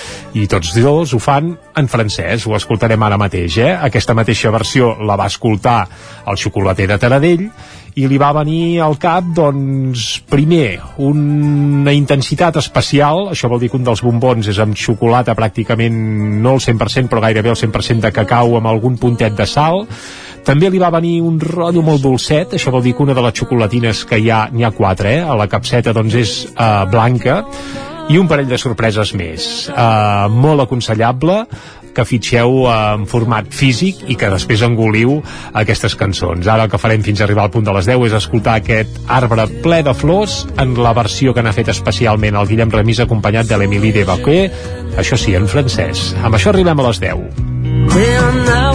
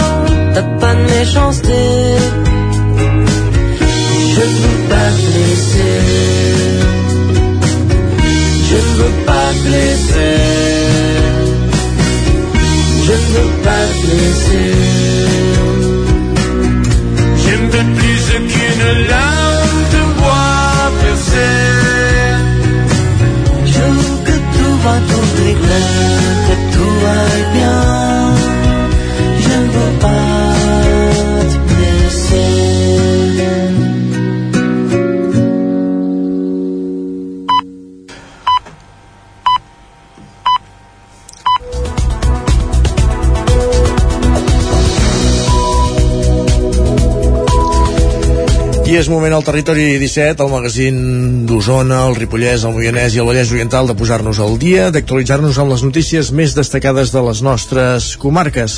I ho fem en connexió amb les diferents emissores que dia a dia fan possible aquest programa, que són la veu de Sant Joan, Ona Codinenca, Ràdio Cardedeu, Ràdio Vic, el 9 FM i el 9 TV, també per Twitch i per YouTube. Per explicar-vos aquesta hora anem cap a Ona Codinenca, que Santa Maria d'Oló compta amb un nou autobús a demanda per anar fins a Vic, on a Codinenca, Caral Campàs. Sí, el Departament de Polítiques Digitals i Territori de la Generalitat ha posat en marxa des d'aquest dilluns un servei de transport a la demanda entre Santa Maria d'Oló i Vic a través de l'eix transversal, la C25. És la primera connexió directa sense parades intermediàries entre la capital d'Osona i aquesta població del Moianès. De dilluns a divendres feiners el servei ofereix tres expedicions diàries per sentit. Les sortides des de la plaça Sant Antoni Maria Claret a l'església de Santa Maria d'Oló seran a dos quarts de deu del matí, a dos quarts d'una del migdia i a dos quarts de cinc de la tarda per arribar a Vic mitja hora més tard. Des de Vic les sortides es faran a les 9 del matí, a les 12 del migdia i a les 4 de la tarda. Els dissabtes feiners han marcat a Vic hi haurà dues expedicions per sentit. Sortiran de Santa Maria d'Oló a dos quarts de 10 del matí i a les 3 de la tarda i de Vic a les 9 del matí i a dos quarts de 3 de la tarda. No funcionarà ni diumenges ni festius ni durant el mes d'agost. El servei estarà prestat per l'empresa Transports Castellà del grup Segalés. A més, els usuaris hauran de fer la reserva el dia anterior abans de les 6 de la tarda, eh, en el cas de dilluns, i fins al divendres abans. Es pot fer per telèfon o al web o a l'app de Segalés On Demand. Gràcies, Caral. Més qüestions. Anem cap a Balanyà, perquè Josep Tió tornarà a encapçalar la llista de Sumem per Balanyà a les eleccions del maig de 2023.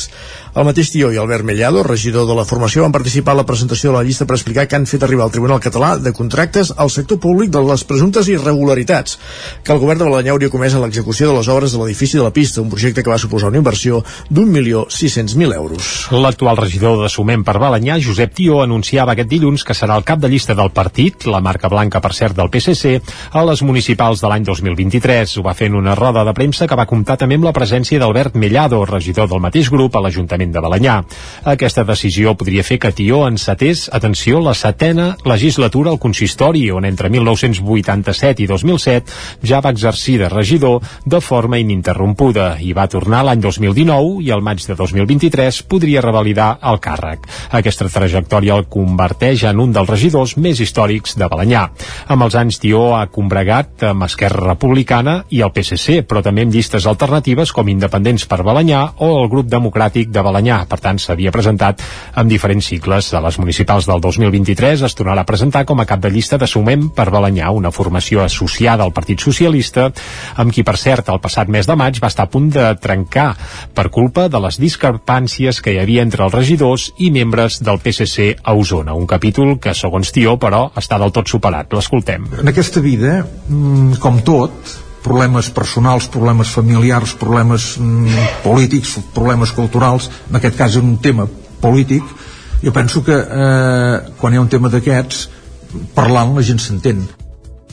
La premsa, la roda de premsa de presentació també va servir a Tió per carregar contra el govern de l'alcalde Carles Valls pel que fa a les obres de l'edifici de la pista.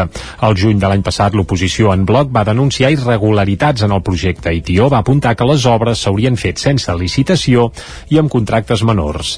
El candidat de Sumem per Balanyà a les municipals va dir que dos d'aquests contractes eren per valor de 40.000 euros més IVA, el límit que estableix la llei per les obres adjudicades, ha dit. En el cas, el cas ara, volem dir, s'ha fet arribar al Tribunal Català de Contractes del sector públic. Escoltem a Josep Tió. Hi ha alguna cosa doncs, que entenem que eh, potser a nivell administratiu tampoc s'ha fet massa massa correcte i que per tant eh, el que sí demanem és que aquest expedient primerament se'n remeti a nosaltres i eh, segon pas aquest expedient eh, doncs vagi a lo que és el, el Tribunal Català de Contractes del sector públic Durant l'acte, Tió i Mellado també van denunciar el deteriorament del consultori municipal i van demanar que restableixin els horaris i que es creï una comissió de seguiment que vetlli pel seu funcionament. La candidatura es presentarà oficialment en un acte el proper 18 d'octubre. Més qüestions. El Festival Internacional de Pallasses del Circ Cric arriba a la novena edició la setmana del 26 de setembre, tot i que tradicionalment el certamen se celebrava al juny, l'organització ha consolidat el canvi de dates que es va fer l'any 2020 a causa de la pandèmia. Anem fins a Ràdio Televisió, Cardedeu, Òscar Muñoz. En aquesta primera edició passaran per Sant Esteve de Palau Tordera un centenar de pallasses d'arreu. Entre els noms més destacats hi ha els de la suïssa Gerdy Hunter i la francesa Catherine Germain, que dona vida a la pallassa Arleti. Totes dues participaran a les sessions de formació de la programació per a professionals, a més de presentar els seus espectacles. El públic general podrà gaudir dels espectacles del festival a partir de dijous 29 de setembre, però la cita acull ja des de dilluns un stage d'artistes que s'ha convertit en tot un espai de debat, trobada i transferència de coneixement entre pallasses de tot el món. El festival, en essència, reivindica el riure com una eina de cohesió i, a més, la igualtat de gènere i la mirada femenina en el món del clown. En aquest sentit, una de les integrants de les Coachers, l'Helena Donzel, agraïa al Cirque Creek que donés aquests espais de visibilitat i dignitat a les pallasses que inicien la seva carrera. La programació professional del festival, de fet, inclou una extensa oferta formativa amb cursos impartits per grans noms internacionals del sector. Cursos com orientacions a altres pallasses en l'art de la improvisació, classes magistrals sobre la consciència de l'ésser intern i un seminari que posa accent a l'humor físic i el gag accidental. Pel públic en general, el festival transcorre essencialment als carrers i places de Sant Esteve de Palautordera, tot i que també es programen alguns espectacles en recintes tancats. Més qüestions encara a la pàgina cultural, gràcies Òscar. Joan Vilamala, filòleg de Folgueroles, ha representat en una auca la història de les degollades, un crim masclista que va haver-hi al poble l'any 1858, quan tres noies que anaven a treballar a la fàbrica van ser assassinades per dos homes de roda de ter. Vilamala vol recollir el cas també en un llibre que espera publicar abans d'acabar l'any. L'auca de les degullades és un conjunt de petites estampes que el filòleg fulgaro, de Fulgarola, Joan Vilamala, ha fet perquè no caigui en l'oblit el crim masclista que la nit del 21 al 22 d'agost de 1858 va tenir lloc al poble de Fulgaroles. Tres joves de la població van ser assassinades a mans de dos homes de roda de ter quan anaven a peu a treballar a la fàbrica. El crim va passar a prop de la casa del cos de Tavernoles i Vilamala el coneix des de la infantesa. L'escoltem. Perquè el meu avi ja me l'explicava I, i una de les supervivents era la mare del meu avi la Maria Serra que era la nena que tenia 13 anys tenia 13 anys. La més petita en tenia 12 i l'altra que va sobreviure en tenia 14. I les tres que es van morir en tenia 23, la més gran, 19, l'amant, la Teresa Fusimanya, que era l'amant d'en Pere Mas Ferrer, diguem-ho així, ja ben clar, que és l'assassí, eh, el principal assassí, i l'altre en tenia 14. Una història de desamor que va començar pocs dies abans de l'assassinat, el 15 d'agost, a la plaça Verdaguer de Folgueroles, on un dels assassins, Pere Masferrer, no va entomar la carbassa de Teresa Fusimanya, una de les tres noies assassinades. Escoltem de nou a Joan Vilamala. Tot va ser pura venjança d'un amor frustrat, un cas de masclisme flagrant, un home que li van donar una carbassa com una casa i ell va dir, ah sí, me la pagarà. Tot aquest cas, Vilamala també el vol recollir en un llibre que espera que vegi la llum a finals d'aquest mateix any. L'auca de les degullades és una de les 300 que ha fet Vilamala al llarg de la seva vida. Les fa seguint l'antiga forma en què se solien explicar fets rellevants durant el segle XIX. Més qüestions, anem cap al Ripollès, Isaac Muntades, perquè Ripoll acollirà la setena Fira del Formatge aquest cap de setmana amb la presència d'11 formatgeries. Com dèiem, Isaac Muntades, la veu de Sant Joan. Durant tot el cap de setmana, Ripoll celebrarà la setena edició de la Fira Europea del Formatge, una activitat organitzada per l'Ajuntament amb la col·laboració de l'Agència de Desenvolupament i l'Associació Productor del Ripollès, a més de l'Associació Ruta Europea del Queso. Enguany hi participaran 11 formatgeries i 3 begudes. La representació local estarà composta pel Mas el Lledrer i Pujol de les Llosses, Mover de Ripoll, la formatgeria Palau de Camp de Bànol i la Roura Soler de Sant Pau de Segúries. Els sis formatges europeus seran Lídia Zábal, el de Maó Menorca, la Torta del Casar, Queixos de Beira Baixa, Quesos de Villaluenga i Queso Castellano. A més a més, es podran acompanyar de la cervesa minera de Sant Joan de les Abadeses, el vermut Morcarols i Vinalium de Ripoll. Una de les novetats de l'edició és que la fira passarà de fer-se a la plaça de l'Ajuntament en comptes de davant l'església de Sant Pere, perquè a la nova ubicació hi ha menys sol i s'hi posarà una carpa. La fira estarà oberta tot el dia i hi haurà tastos populars per un preu de 8 euros preparats per l'empresa Som Formatgers i que es podran menjar a la zona chill out. L'església de Sant Pere també oferirà una proposta important, segons explicava la regidora de Fires Manoli Vega i Marina Puigcorbé, representant del Mas al Lledrer. El sistema aquest de l'Entràpolis, ara mateix ja, ja es pot comprar doncs, el tiquet, amb un aforament em sembla que és de 75 persones, per tant, doncs això, dos dissabte i dos diumenge, el preu és de 15 euros i evidentment serà una mica més 15 complet. al vermut i 22, i 22 al premi. El tas guiat maridat serà de vins el dissabte i de cervesa el diumenge. La fira també comptarà amb un taller de llana infantil el diumenge a la tarda, inflables, el trenet turístic i plats especials a alguns bars i restaurants de la vila. Esports. I a la pàgina esportiva us expliquem que els skaters de Manlleu ja poden gaudir d'una nova zona de rampes de, a l'skate park municipal. Dissabte a la tarda es va fer la inauguració del nou bol que es, va constru que es va construir durant el mes de juliol. Al llarg de la jornada esportiva que es va fer dissabte, oberta a tothom, no només hi va tenir lloc una trobada de skaters, sinó que també es van fer demostracions, sortejos i repartiment de premis. Tot això amb música de fons, un servei de barra i un espai de comerç especialitzat en aquesta modalitat esportiva. El regidor de Joventut de Manlleu, Eduard Robles, explica com es va gestar l'ampliació del parc d'skate. La voluntat de varis joves de l'Ajuntament que feia molts anys que lluitaven per fer de l'skate park doncs, un, un punt de trobada, un, un lloc nou, un lloc més modern, un lloc doncs, més adequat per la pràctica del patinatge i de l'skate doncs en, es van posar en contacte amb l'Ajuntament i doncs, eh, després de molts anys doncs, eh, hem aconseguit doncs, eh, fer un petit projecte de demolició parcial de l'skate park, que és el que hem fet aquí i bé, eh, doncs ho hem pogut executar aquest any i avui bàsicament el que estem fent aquí és una mica de festeta perquè tot el, el jovent de Manlleu doncs, pugui, pugui disfrutar de la nova part de l'skatepark. Des de l'Ajuntament també reconeixen que l'antic skate s'havia fet petit i havia quedat, a més a més, antiquat. Enric Mayo és el tècnic d'esports de l'Ajuntament de Manlleu. L'skatepark de Manlleu és un skatepark que, tot i que és un lloc molt xulo i que, que és molt gran i que té molts elements, era una cosa que ens havia quedat totalment eh, desfassada, una cosa antiga que es va fer en el seu moment, però que calia una reforma. I calia anar-nos-hi posant en mica mica i el que hem fet és anar-ho fent a trossos. Aquesta és la primera fase, que, que es, va, es va escollir fer un vol, que això ho van escollir els propis skaters de Manlleu, i la idea és que l'any que ve en puguem fer una altra part i d'aquí un altre any una altra part i que puguem anar fent tots aquests 2.000 metres quadrats que tenim de skatepark que el puguem anar, que el puguem anar renovant Dissabte els patinadors de Manlleu es mostraven eufòrics. Escoltem a Xavi Casacoberta, un dels impulsors de l'skate. Hòstia, significa un canvi molt brusc de fa 20 anys que vam començar la lluita per muntar un skatepark com Déu mana ara al final hem aconseguit que muntin una cosa realment bé. La construcció del bowl, situat al passeig del Ter, la va executar l'empresa Volcano i ha estat possible gràcies a la participació de skaters del municipi. Ha tingut un cost aproximat de 48.000 euros i és la primera fase d'un projecte que preveu fer una reforma integral de tot l'equipament.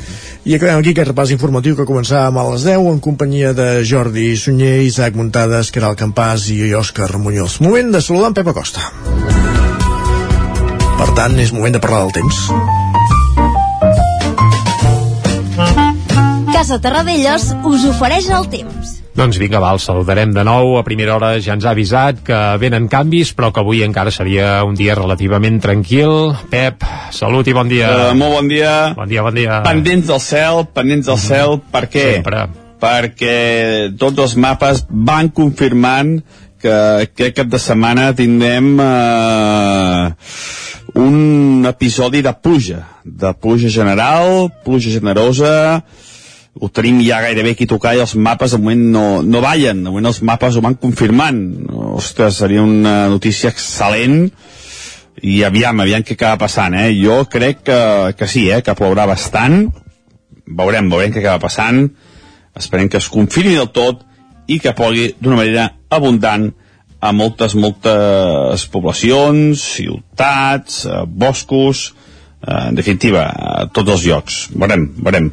El que tenim clar és que avui serà un dia molt tranquil, anem avançant la setmana, ahir jo em pensava que plouria cap als zones del Pirineu, mm, no va fer res al final, um, no sé si algun lloc va fer quatre gotes poder, però poca cosa, uh, que, jo, que, que a mi consti no, no hi va haver precipitacions, i avui serà un dia molt semblant a d'ahir, tot i que les temperatures aquesta nit han baixat una mica més, entre 10 i els 15 graus a l'interior la majoria de temperatures, i al peritoral també, per sota dels 10 graus al Pirineu. Al Pirineu no hi dormo, però segur que ja fa falta una bona manta per dormir, un bon jersei a la nit per sortir, i és que a aquelles zones el fred comença a ser bastant intens a les nits.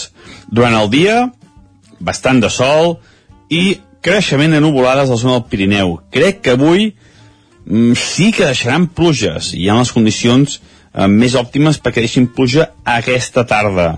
Les temperatures màximes una mica més baixes, la majoria entre els 20 i els 25 graus. Aquest ambient de tardor que es va normalitzant, que es va imposant, que per fi es va fent notar.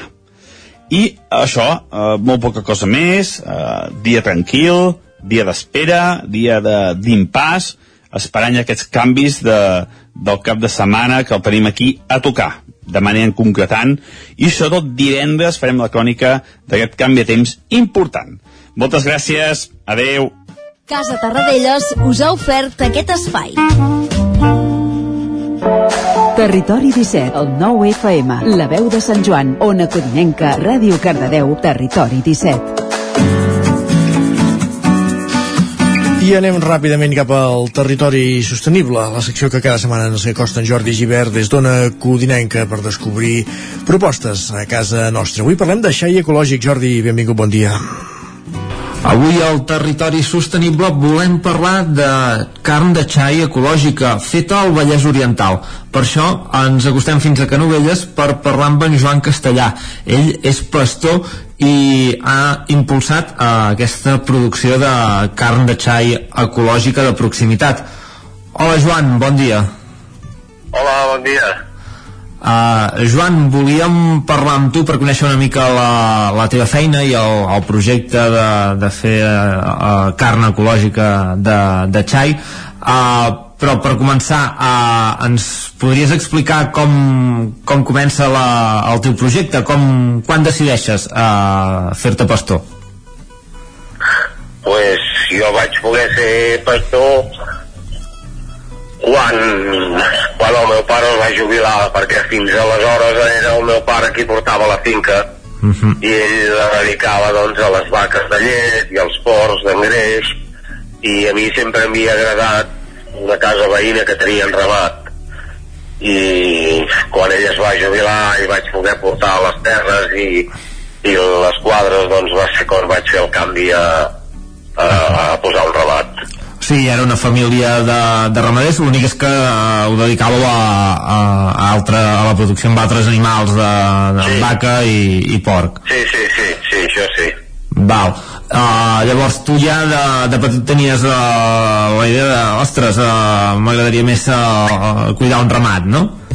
Sí, de, ja per la comunió, que llavors encara es feien aquestes coses, a la meva edat, eh, ja em van regalar una cabreta i des d'aquella cabreta doncs ja vaig deixar-ne una altra i llavors ja vaig criar xai i sempre havia tingut aquesta afició. No com a negoci, sinó com a afició, perquè no, no podia.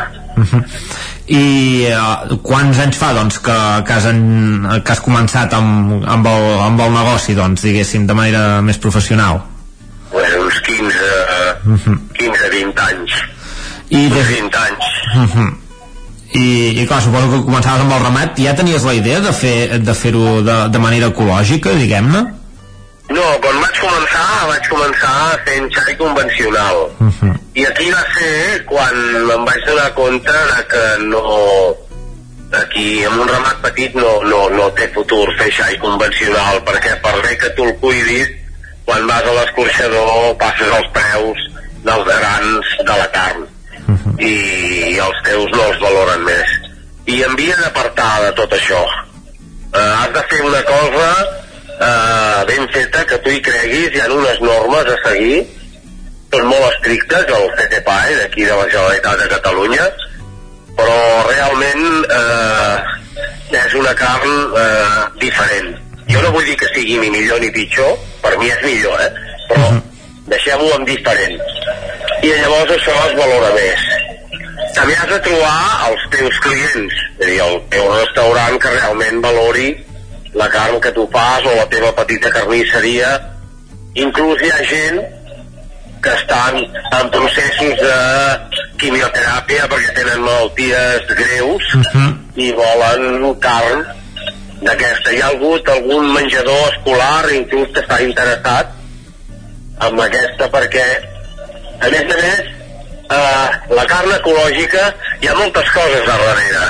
La terra ha de ser ecològica el que mengen les ovelles ha de ser ecològic. És un, ha de ser un ramat sostenible. O sigui, ha de pasturar unes hores al dia al camp. Eh, no pot estar. Ha de tenir uns metres de corral, uns metres de pati. Hi ha unes normes que els altres ramats no han de seguir. Uh -huh. Volia... el, ben, el benestar animal és molt més elevat amb un ramat ecològic amb un ramat convencional Això et volia, et volia, et volia comentar de, dels canvis que, que veu haver de fer a la finca, diguem-ne, o a la vostra manera de treballar per, per aconseguir que, que fos eh, validat eh, com a carn de xai ecològica.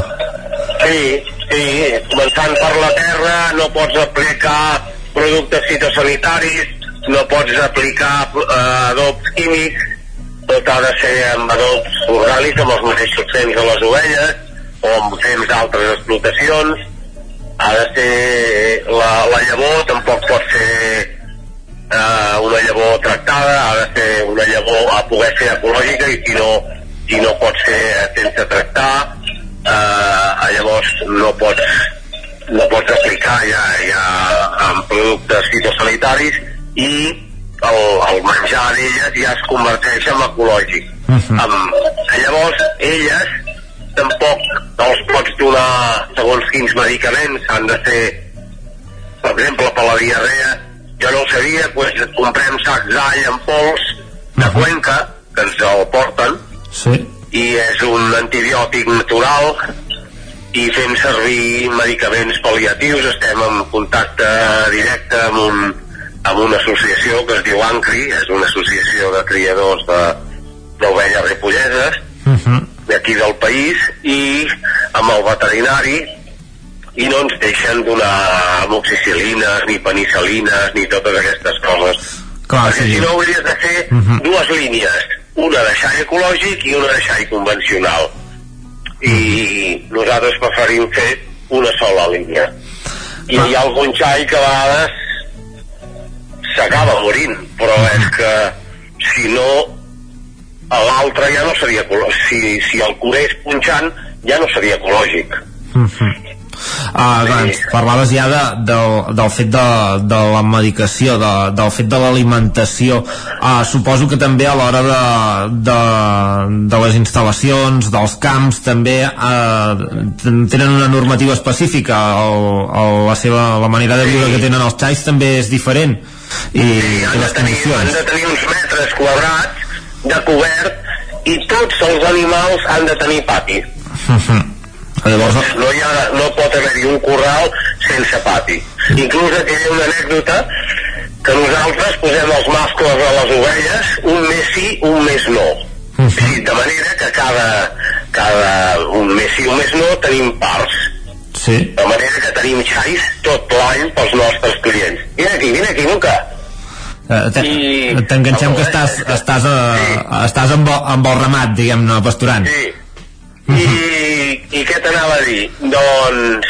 Que teníem... Uh, uh, vaig, jo tenia un corral que hi tancava els, els 7 o 8 mascles, els marrans, i van venir els del CCPAE, els del Consell Català de la Producció Agrícola Ecològica, uh, i em van dir que, que havien de, de tenir pati. I ja et dic, uh, aquesta uh, clar, quan, quan heu tardat a fer tot, a, tot aquest procés no? de, de, de, de canvi de, de producció de xai convencional a, a xai ecològic en total? La terra dos anys.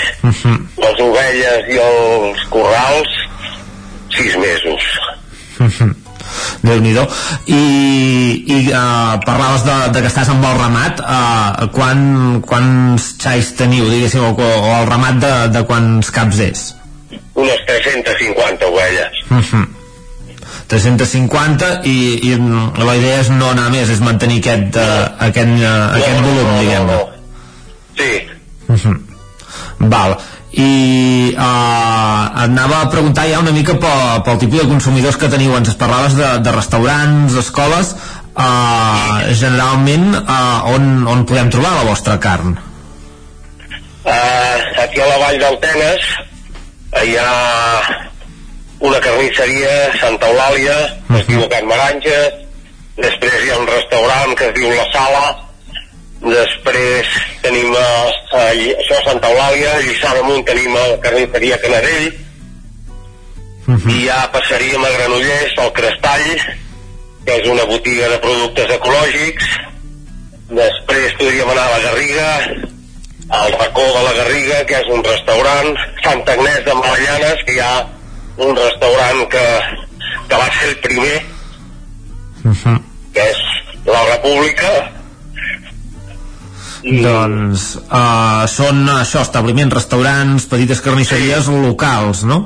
sí, sí, sí carnisseria Teixidor d'aquí que Novelles costa eh, que tinguin confiança Uh -huh. Clar, quina és la... Quan, quan us oferiu en un, en un carnisser, en un restaurant, uh, quina és la, la, la reacció que teniu? O us venen a buscar ells? No, has de, has de sortir tu i això un pastor, un pagès és el que més li costa. La comercialització no ho tenim, no, no tenim facilitat de paraula, no som, no som venedors. Eh, sabem que la nostra feina, però de portes en dintre. De portes en fora ens costa. I, I després això també té un cost més elevat que un xai convencional nosaltres acabarem el territori de... de, Nosaltres acabarem el territori de sostenible d'avui i us deixarem amb els companys eh, per seguir repassant l'actualitat de, dels pobles i comarques del territori 17.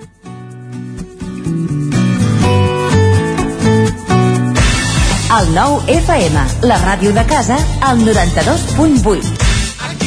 Amb Pradell estalvio energia i cuido la meva butxaca i el medi ambient.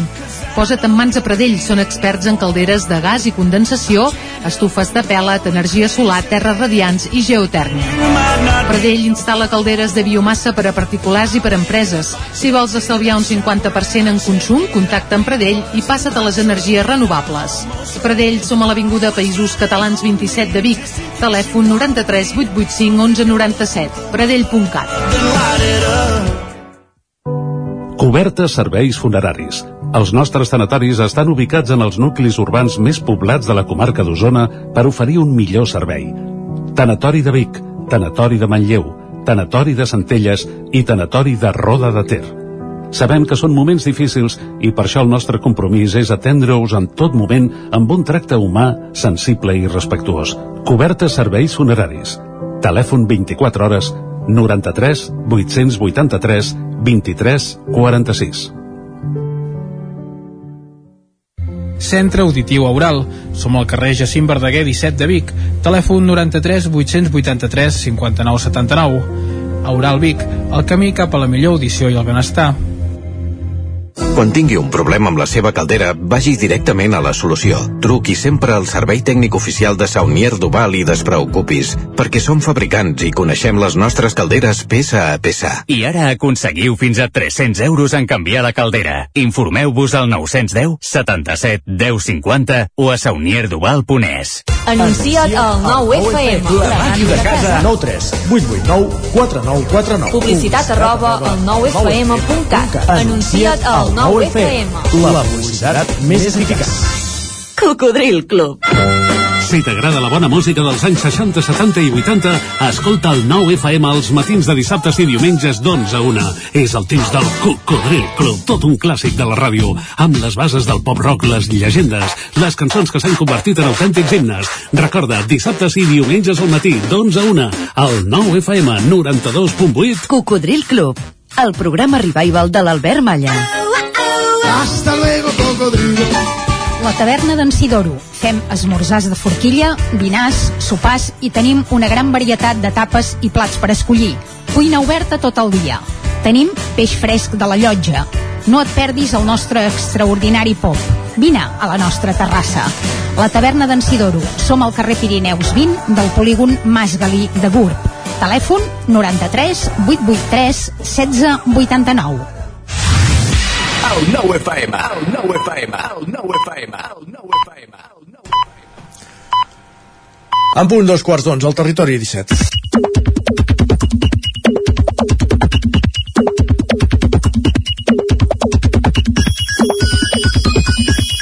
Vinga, i si són dos quarts d'onze, vol dir que arriba l'hora Sánchez. Guillem Sánchez, bon dia i bona hora. Què tal, com estem? Per cert, ahir eh, no et van veure, eh? Va arribar l'hora Sánchez i vam tenir I no- la Clàudia Dinarès. I no hi havia Guillem Sánchez. I Guillem Sánchez eh, era d'excursió, eh? Correcte, cap a la Vall del Gès. Ah, molt bé, molt bonic, eh? Molt bonic. Bona terra. Va, d'aquí pocs dies arribarem a la tardor, Jordi i Isaac, però certes persones... Sí, la represa... meteorològicament, eh, segons en Pep Acosta i sortint al carrer, ja es pot comprovar que gairebé hi som, eh? Doncs amb alguns la represa de l'activitat habitual d'aquest setembre ja se'ls està fent una mica carregosa. Per Ah, sí? exemple, ens escriuen el meu fill m'acaba de dir que, que llarg que se m'està fent aquest curs. Que, que ja vol dir però si encara no l'hem ni arrencat, No com aquell que diu. començar, hi ha gent que ja se Mare fent meva. farragós. Doncs uh, anem bé, anem bé. Va, en Quim ens anuncia bones notícies. Ens diu, Va. ho he fet. He començat el curs demanant als alumnes que a classe no obrin ni ordinadors, ni tablets, ni mòbils. No només no ha passat res, sinó que tinc molt bones sensacions. Deixem dir que hi ha alguna informant. escola que no és que no els obrin, sinó que directament han prohibit uh, l'ús de mòbils uh, dins les aules i fins i tot als patis. Més d'una ja, eh? Una cosa que s'està estenent. Seguirem pendents doncs d'en Quim a veure si ens va donant novetats Quim, sobre... Aviam a quina escola va i podríem seguir amb més atenció, però vaja, Va, ho apuntem. Qui creu que pot ser un bon any és en Manel, que ens diu no som conscients del que viurem aquest any amb el Club Patí Voltregà. Aquest any vol dir aquesta temporada, Aquesta eh? temporada, entenc, eh? Home, de moment, bé, van plantar cara al Liceu, fins i tot al Barça, però, clar, zero punts, eh? No, ahir, van, ahir tenien partit Ah, de Lliga. ser- és veritat, és van jugar amb veritat, ahir l'Alcoi, hi havia van, van guanyar 5 a avançada, 1, és per tant jo crec que devia anar per les bones sensacions del eh, partit d'ahir. Va, fantàstic. Bé, no, no, i bones sensacions tant. també amb el Liceu I i, el. Barça, que van perdre, però que, clar, el Liceu és l'actual campió Jo- i el Barça, que n'hem de dir, és segurament... És el que estarà el campió si no ho és Sí. el Liceu, correcte. Exacte. Va, i ara un missatge curiós. Què en penseu del que ens diu aquest usuari? Ens escriuen, la noia amb qui vaig pactar que si estàvem solters als 40 anys ens casàvem m'acaba de trucar per dir-me que es casa. El vostre matí com va? No sabia que es podien fer pactes d'aquesta manera. més curiosos. A, a quina edat té ara aquest noi? No ho diu, no ho diu. Hi ha gent que diu, en tens noia? 39, oi? I t'ha- això trucat just abans de...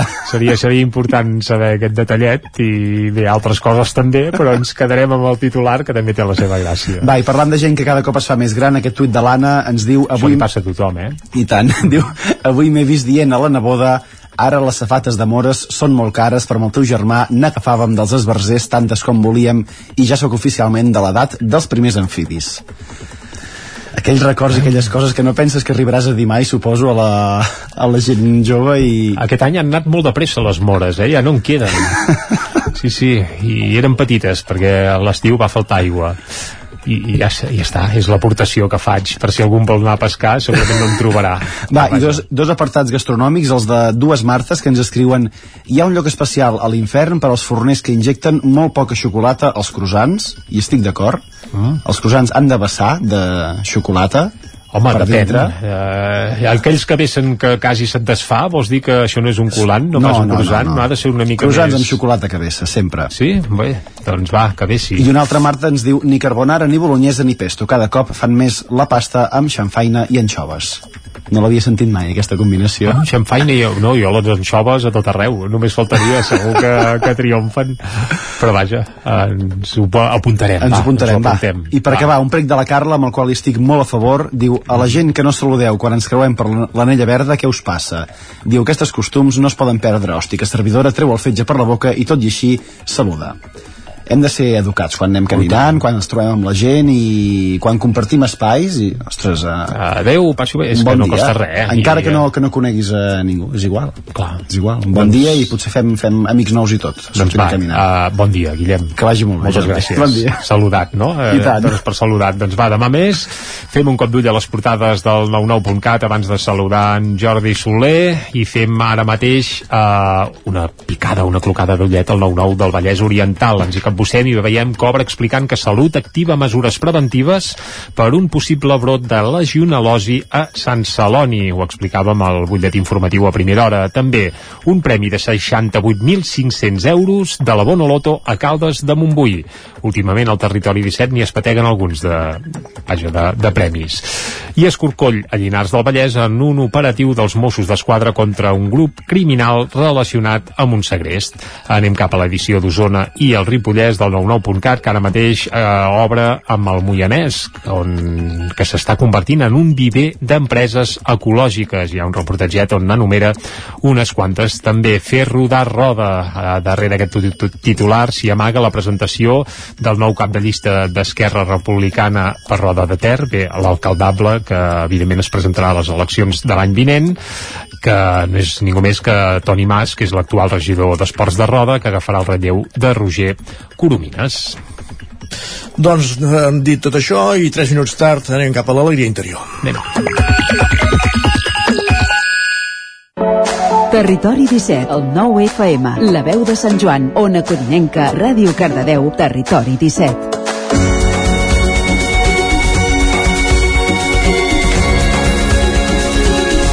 Una setmana més ens acompanya Jordi Soler, com va fer ja fa 15 dies en la primera setmana del Territori 17, encetant nova temporada de l'Alegria Interior.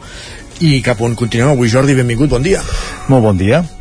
Bé, seguim, seguim fent camí, eh? com cada 15 dies cap a aquest autoconeixement, cap a aquesta manera d'intentar fer entendre aquest jo número 1, aquest jo número 2 que ens parlava el Timothy Galway. Eh? Hi ha el personatge, hi ha l'ésser, l'ésser, l'observador d'aquest personatge. Hi ha un testimoni d'un metge argentí, Hugo Dopasso, que crec que ens pot ajudar, ens pot eh, servir com a referència per veure una mica aquesta connexió eh, entre aquests dos jos. Clar, ell en una conferència TED, les conferències TED eh, són unes xerrades enfocades cap a l'entreteniment, cap al disseny, cap a la tecnologia, però aquest senyor fa una excepció i parla d'una experiència, d'un enfoc de la seva vida molt íntim, molt personal, eh, en l'acompanyament a la mort dels seus pacients. Eh? És un metge uh -huh. que va viure una vida, experiències personals que el van fer acostar molt a la mort, els seus pares de forma natural, però el seu nebot, que ja no era una cosa tan prevista, el seu germà també d'un càncer de pàncreas, això va colpir. Eh? Eren, per un cantó, la seva tieta, va morir tot de gent propera a ell, alguns que podien entendre, d'altres que ja no podien entendre, i això va fer d'alguna forma mirar l'aspecte de la mort d'una altra manera i fer-se preguntes, preguntes que ell no trobava respostes. I això el va anar conduint cap a un espai de, de molta tristesa. Eh? De fet, aquest senyor, quan surt davant d'un públic de més de mil persones, eh, agafa un to suau, no? Vull dir, comença a aclimatar una mica el seu discurs cap a obrir espai cap a aquesta veu interior seva que dona testimoni d'aquests episodis de tristesa que algú podria qualificar de depressió però que realment no és així vull dir que realment era una experiència que ell va viure amb dolor eh? el dolor de la mort, el dolor de la pèrdua no? d'éssers estimats que li deia és que a mi no em tocava morir-me ara d'un càncer, d'un accident i això amb ell doncs eh, sent metge el va deixar com com impossibilitat, no? com dir, no puc donar resposta, no puc ajudar els meus familiars, els meus amics, i aquesta situació de tristesa es va anar incrementant, eh? aquests episodis de, de, de, de viatjar cap al seu interior, d'alguna forma el van portar a un punt en què s'hi va sentir còmode. En aquest espai interior, de tristesa, ell una mica, en lloc de rebel·lar-se i en lloc de lluitar contra aquest sentiment, contra aquesta sensació de, de pèrdua, doncs ho va acceptar. Eh? Ho va acceptar fins al punt de que es va adonar, de que donant-li cabuda, quan estava dins d'aquest espai de, de tristesa, en un, un racó de la casa, posava la seva música, posava la seva llum, vivia intensament aquesta situació, es va donar compte que aquí no hi estava malament, que estava bé, Eh? És curiós, una situació de tristesa la gent el que tendim és a victimitzar a expressar dolor i va arribar al punt que ho va transcendir va anar més enllà, ho va entendre ho va acceptar i va bueno, d'alguna forma descobrir que aquestes anades i vingudes cap a aquest espai de tristesa i tornar a la vida normal, perquè ell era metge continuava amb la seva feina eh, doncs eh, es, es anaven produint i que formaven part de la seva vida. I va donar una mica una utilitat, una comprensió més àmplia. Va viatjar a la Índia, va conèixer Osho i es va donar de que aquí realment hi havien aquestes dues parts que tenim tots, no? La part del personatge, eh, la part, diguéssim, de, de l'actor, que és qui hi ha realment, no? És la seva part interior que el permetia estar feliç, tot i estar en un espai de tristesa, i després la, la part del dia a dia, eh? la part que havia d'enfrontar les seves tasques diàries que d'alguna forma l'ajudava a tirar endavant vist això, una mica va decidir reorientar la seva carrera professional com a metge i es va dedicar a acompanyar gent en el procés de mort.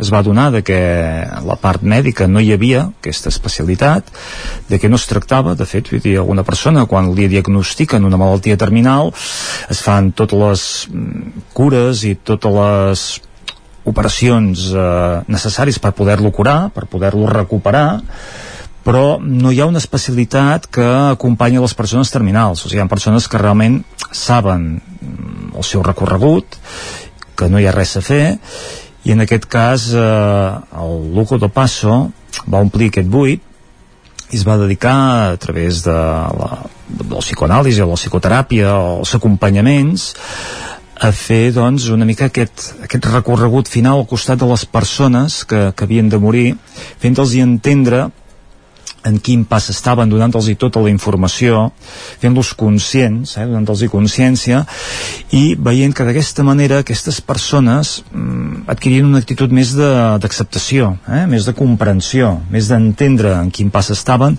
alliberant-los part d'aquestes pors que, que, que tenen les persones que pateixen per als que deixen, pateixen per una cosa que no coneixen, pateixen per entrar, diguéssim, en, en una etapa que, que, no, que en molts casos no volen, no desitgen, però que s'hi troben, que no poden triar, i el Lugo de Passo, doncs, una mica ha fet o està fent aquesta, aquesta labor no? De- d'acompanyament. Ha escrit un parell de llibres, un d'ells es diu El bien morir, no? Dir que és dir, sí.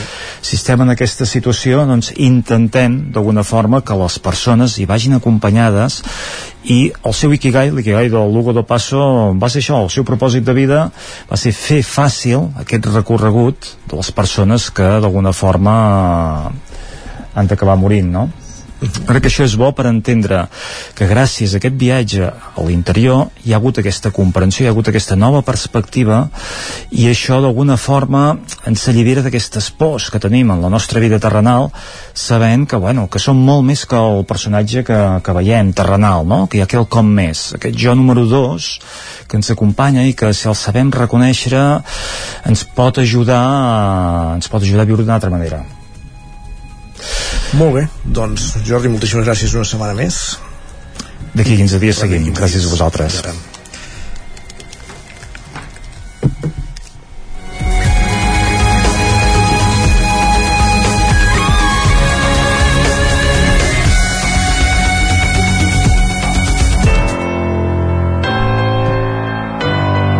Territori, Territori 17. 17.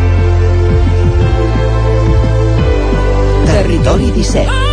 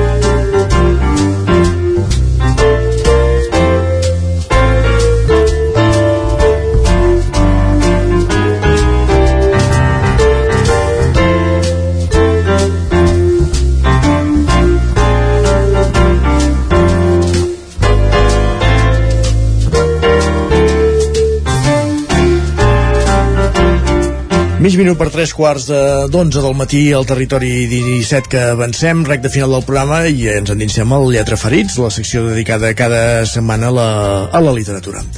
Els propers dies 30 de setembre, 1 i 2 d'octubre, Santa Maria d'Oló s'omplirà de literatura, llibres i autors gràcies a les jornades Olor de Lletres. Tres dies plens d'activitats per totes les edats que acostaran el gust per les lletres a tothom que qui s'hi acosti.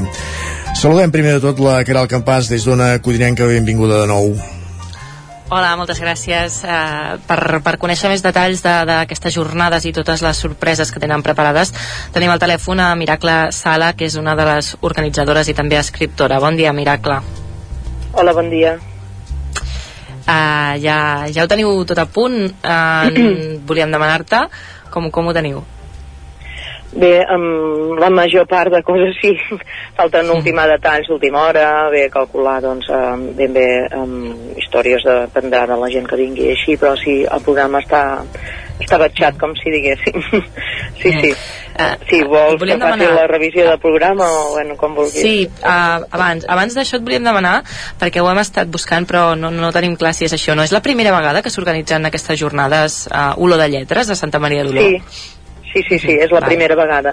Uh, fa temps que allò que uh, havíem reuniat amb gent, amb la participació de l'Ajuntament, etc amb els de Cultura, n'havíem estat parlant, però Mm, però res, era una idea que finalment fructifica aquest any per primer cop, sí, sí. Esperem que tingui continuïtat, vull dir que no hem posat en el programa, no hem posat primera edició, esperem que l'any que ve puguem posar ja segona edició. Perquè qui hi ha al darrere d'aquesta iniciativa? Qui és el col·lectiu que, que organitza aquestes jornades? Uh, de moment el col·lectiu està format per alguns escriptors locals, diguéssim, bueno, per exemple jo mateixa, i algun, les entitats i l'Ajuntament. Llavors hi ha la col·laboració també de la Diputació. Però en principi en, encara de moment és una cosa molt petitona i aquest any també um, ens han donat ajudes per, per poder-ho tirar endavant i, i diguéssim hem anat ràpid el, en el muntatge per poder-nos aprofitar i ja donar, donar tret de sortida a aquesta idea no? però també pensem que de cara a les pròximes edicions doncs involucrar-hi més personal perquè ara de moment hem fet allò hem anat ràpid per, per poder-ho tirar endavant perquè quina, però sí, quina era la... hi ha ajuntament, entitats i, mm. i després particulars com ara jo, per exemple. D'acord. I amb, amb quin objectiu o amb quina motivació veu decidir tirar endavant aquesta iniciativa? Doncs mm, donar, donar a conèixer el poble eh, d'una manera diferent, fer participar el poble en literatura i vincular territori, cultura i literatura, eh, donar a conèixer doncs, les, els autors locals, però també donar a conèixer autors de fora a, a la gent del poble i també a, a, a qualsevol veí i amant de lletres, lletraferits, lectors, um, espectadors o qui sigui doncs, que vulgui compartir literatura i, i, i, i terra, no? Una mica. I, a més a més, això també, perdoneu, és que vas veient festivals en pobles, en altres llocs doncs, que mm, han, han començat i han portat a terme idees d'aquest tipus i doncs és molt atractiu, la veritat. Aquestes jornades, Olor de Lletres, eh, començaran amb, amb la inauguració, òbviament, que anirà a càrrec d'Empar Moliner. Eh, com es planteja aquesta, aquesta inauguració?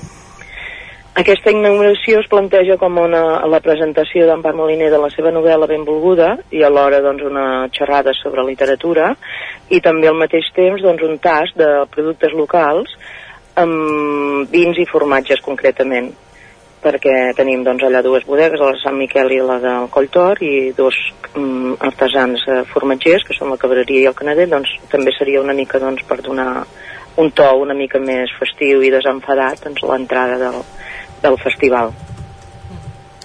I, I ara ja sí, dissabte i diumenge continua el gran gruix de la programació. Uh, no sé si ens la pots detallar.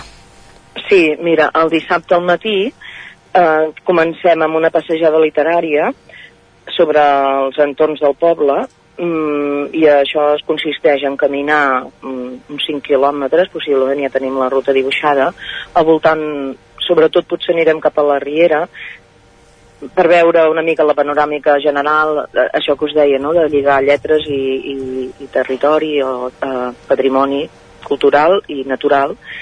Aleshores es tracta de caminar, um, farem parades per fer algunes lectures i segurament també alguns exercicis d'escriptura, perquè també està contemplat com un taller. Després, a la tarda, tenim um, dos actes simultanis, un per nens i un altre per gent gran. El per nens té dos horaris també, els més petits de 4 a 5 de la tarda i els grans de 9 a 14 anys, que són, fan un taller que es diu Laboratori de Lectures, amb la Anna Carrera i l'Amanda Flameric, amb la col·laboració d'una entitat que és el Moviment Júnior.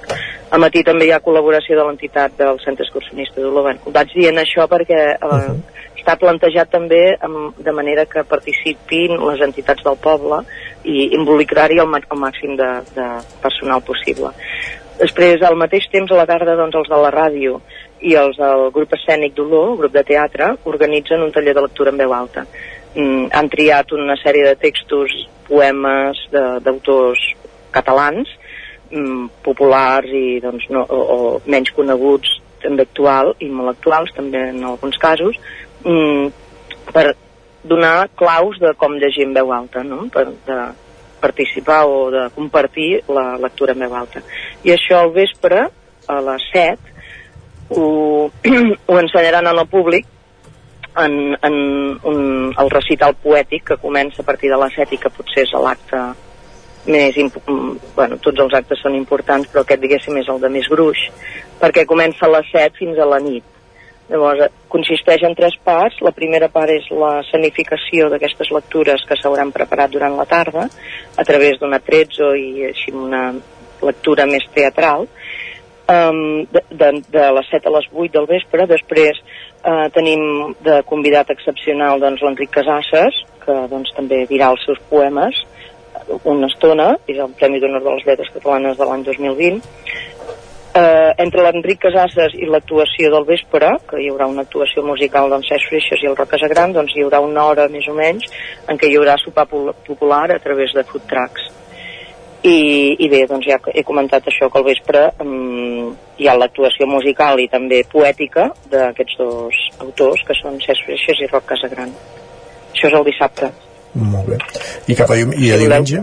Sí. diumenge Val, i llavors diumenge eh, torna a haver-hi una altra passejada literària és com si fos la segona part del taller però diguéssim hi haurà gent que potser haurà vingut el primer i vindrà el segon o només el primer o només el segon eh, i en a, aquesta passejada però es farà més eh, a l'interior o més pròxim a la, urba, al, al poble urbanísticament parlant i doncs es farà el mateix. Si, si hi ha fragments d'autors locals que han parlat del poble doncs es llegirà algun fragment d'aquests o bé fragments eh, d'autors en general que parlin d'alguna mm, d'algun aspecte que ens serveixi per entendre com la literatura tracta eh, doncs, el, el, que veiguem o el que visitem i també al mateix temps amb l'objectiu de conèixer el patrimoni local en forma de lectures i també d'alguna escriptura. I una altra vegada amb la col·laboració que són els que ens han dissenyat les rutes del centre excursionista d'Oló després a les 12 fem una tertúlia literària amb, autors, amb autors locals que conduïts per la, mm, la, la conductora del Club de Lectura de la Gent Gran que és Montse Corrius i ella doncs parlarà amb alguns autors locals com Laia Güell, Marta Julià Daniel Colomeres i, i servidora i a la tarda aprofitant que Olor sempre aquestes dates es fa el Correllengua, doncs es farà el Correllengua amb l'homenatge a Joan Fuster. Doncs es llegirà el manifest del Correllengua, un recital o lectures de Joan Fuster i música una altra vegada amb el grup Diude. Això serà tot i durant aquests dies també hi ha una exposició de, relats, de retrats d'escriptors de Maria Rosa Sama, que això està obert cada dia a l'espai on es fa la majoria d'activitats, que és l'espai de Malosa. Estem conversant al Lletra Freix del Territori 17 amb, amb l'escriptora Miracle Sala, una de les impulsores d'aquesta nova iniciativa, el Lulo de Lletres, que es farà a Santa Maria d'Oló els dies 30 de setembre i 2 d'octubre. Ara, quan repassàvem els actes, Miracle, ens comentàveu això, que, que hi haurà aquest mm, recital, concert de, sex, de Cesc Freixes i Roc Casagran dissabte al vespre. Uh, una mica com, com es planteja, quin tipus d'espectacle oferiran? Coneixem d'una banda Cesc Freixes com a cantautor, Roc Casagran com a escriptor, diguéssim, junts, quina proposta presenten? Mm, no t'ho sé explicar gaire bé això, eh? No. Uh, suposo que mm, ells alternen la música i la recitació uh -huh. i al mateix temps porten llibres per presentar, és a dir que és una mica també un, un combinat, jo diria que és un combinat musical i poètic. Molt bé. I és una mica de diàleg entre tots dos, que no és pas la primera vegada que actuen junts. Però no els he vist mai, eh? Vull dir que no, no, els he vist per separat, però junts no els he vist. Doncs, no, no et puc dir, vull dir que ens va bé que hi siguin i en, en aquest cas no soc directament la responsable de, de, de, de saber què fan, però, però bé, vull dir que jo crec que estarà molt bé. Ens, ens citem dissabte a la tarda per comprovar-ho. Caral, Molt bé. fent un cop d'ull al programa és senzill, no sé, veure la intenció no? de, de que persones de totes, totes les edats puguin trobar-hi el seu espai E- és així, no? Sí, sí, sí. És una cosa que eh, té la voluntat de ser popular, de ser compartida i de ser molt oberta i d'implicar-hi gent local i gent mm, visitants, diguéssim, amics eh, i, i qualsevol persona que, que, que vulgui venir al poble doncs que hi pugui trobar mm, coses que, que li vinguin de gust, diguéssim, literàriament parlant i també doncs, eh, de coneixement de l'entorn, etc. ens ho avançaves ja una mica al principi, que tant de bo l'any vinent ins- fer la inscripció ja de segona edició, per tant, l'idea és néixer per anar continuant, no?, en, aquest, en aquesta primera Sí, edició. sí, néixer per anar continuant i a veure aviam com va. Aquí també també tindrem una parada de llibres, doncs, dels llibres que es presenten o dels llibres més o menys dels autors implicats um, en, les, en, en les activitats diverses i sí, sí, eh, és amb la voluntat de poder continuar. En principi, els, els entorns que nosaltres coneixem estan il·lusionats amb, amb, amb, aquests, amb aquestes activitats. Um, tenim inscripcions i ja, les inscripcions ja van en marxa i ja diréssim, com a mínim ens tenim assegurats ja uns mínims de personal a, a, totes les actes, a tots els actes on, on hem demanat no és, no és imprescindible, però sí que hem recomanat o com a mínim hem, hem convidat a la gent que es pugui inscriure en alguns dels actes més aviat per tenir això, doncs, la seguretat que es puguin tirar endavant amb, un, amb, amb, amb una mica de quòrum i després doncs, també per vegades segons quina activitat doncs, per anar més tranquils de cara a fer fotocòpies o de, de, de preparar-ho no? a vegades si tens un mínim de persones segures doncs vas més segur a l'hora de preparar de preparar l'acte. Perfecte. Miracle Sala, gràcies per acompanyar-nos i acompanyar-nos i molta sort doncs, en aquesta nova iniciativa. Olor de Lletres, 30 de setembre, divendres 1 i 2 d'octubre, és el cap de setmana aquest no, el següent, a Santa Maria d'Olor. Gràcies i Molt que, que vagi molt bé. Moltes gràcies. Deixa'm afegir que si algú doncs, eh, té dubtes o li interessa més informació o així, doncs tenim un, un Instagram, també ho tenim altres mitjans per ensenyar-ho, però sobretot tenim un Instagram que es diu així, Olor de Lletres, per seguir-nos. Doncs prenem nota, moltes gràcies. Gràcies a vosaltres, bon dia. Gràcies també, Caral. Merci, Fins demà. I ara sí, recte final del Territori 17 i acabem precisament amb música de Cesc Freixas, un d'aquests autors que, com dèiem, participaran en aquest olor de lletres al costat de Roc Casagran el dissabte 1 d'octubre. Aquesta cançó es diu Ma llibertat i és del treball discogràfic publicat l'any 2021, Memòria.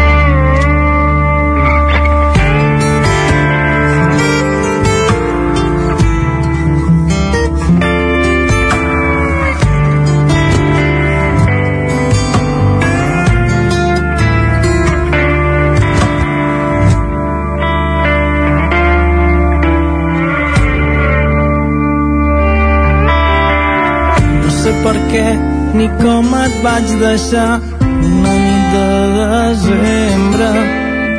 Aquells camins que tu i jo vam traçar ens queden molt enrere.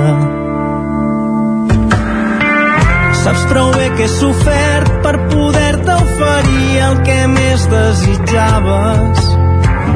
He canviat de país, he perdut els amics perquè em tinguis confiança. I amb Cesc Freixas acabem el territori 17 d'avui. Us hem acompanyat des de les 9 del matí Pepa Costa, Esther Rovira, Isaac Montades, Òscar Muñoz, Jordi Givert, Guillem Sánchez, Jordi Silva, Caral Campàs, Jordi Sunyer i Isaac Moreno.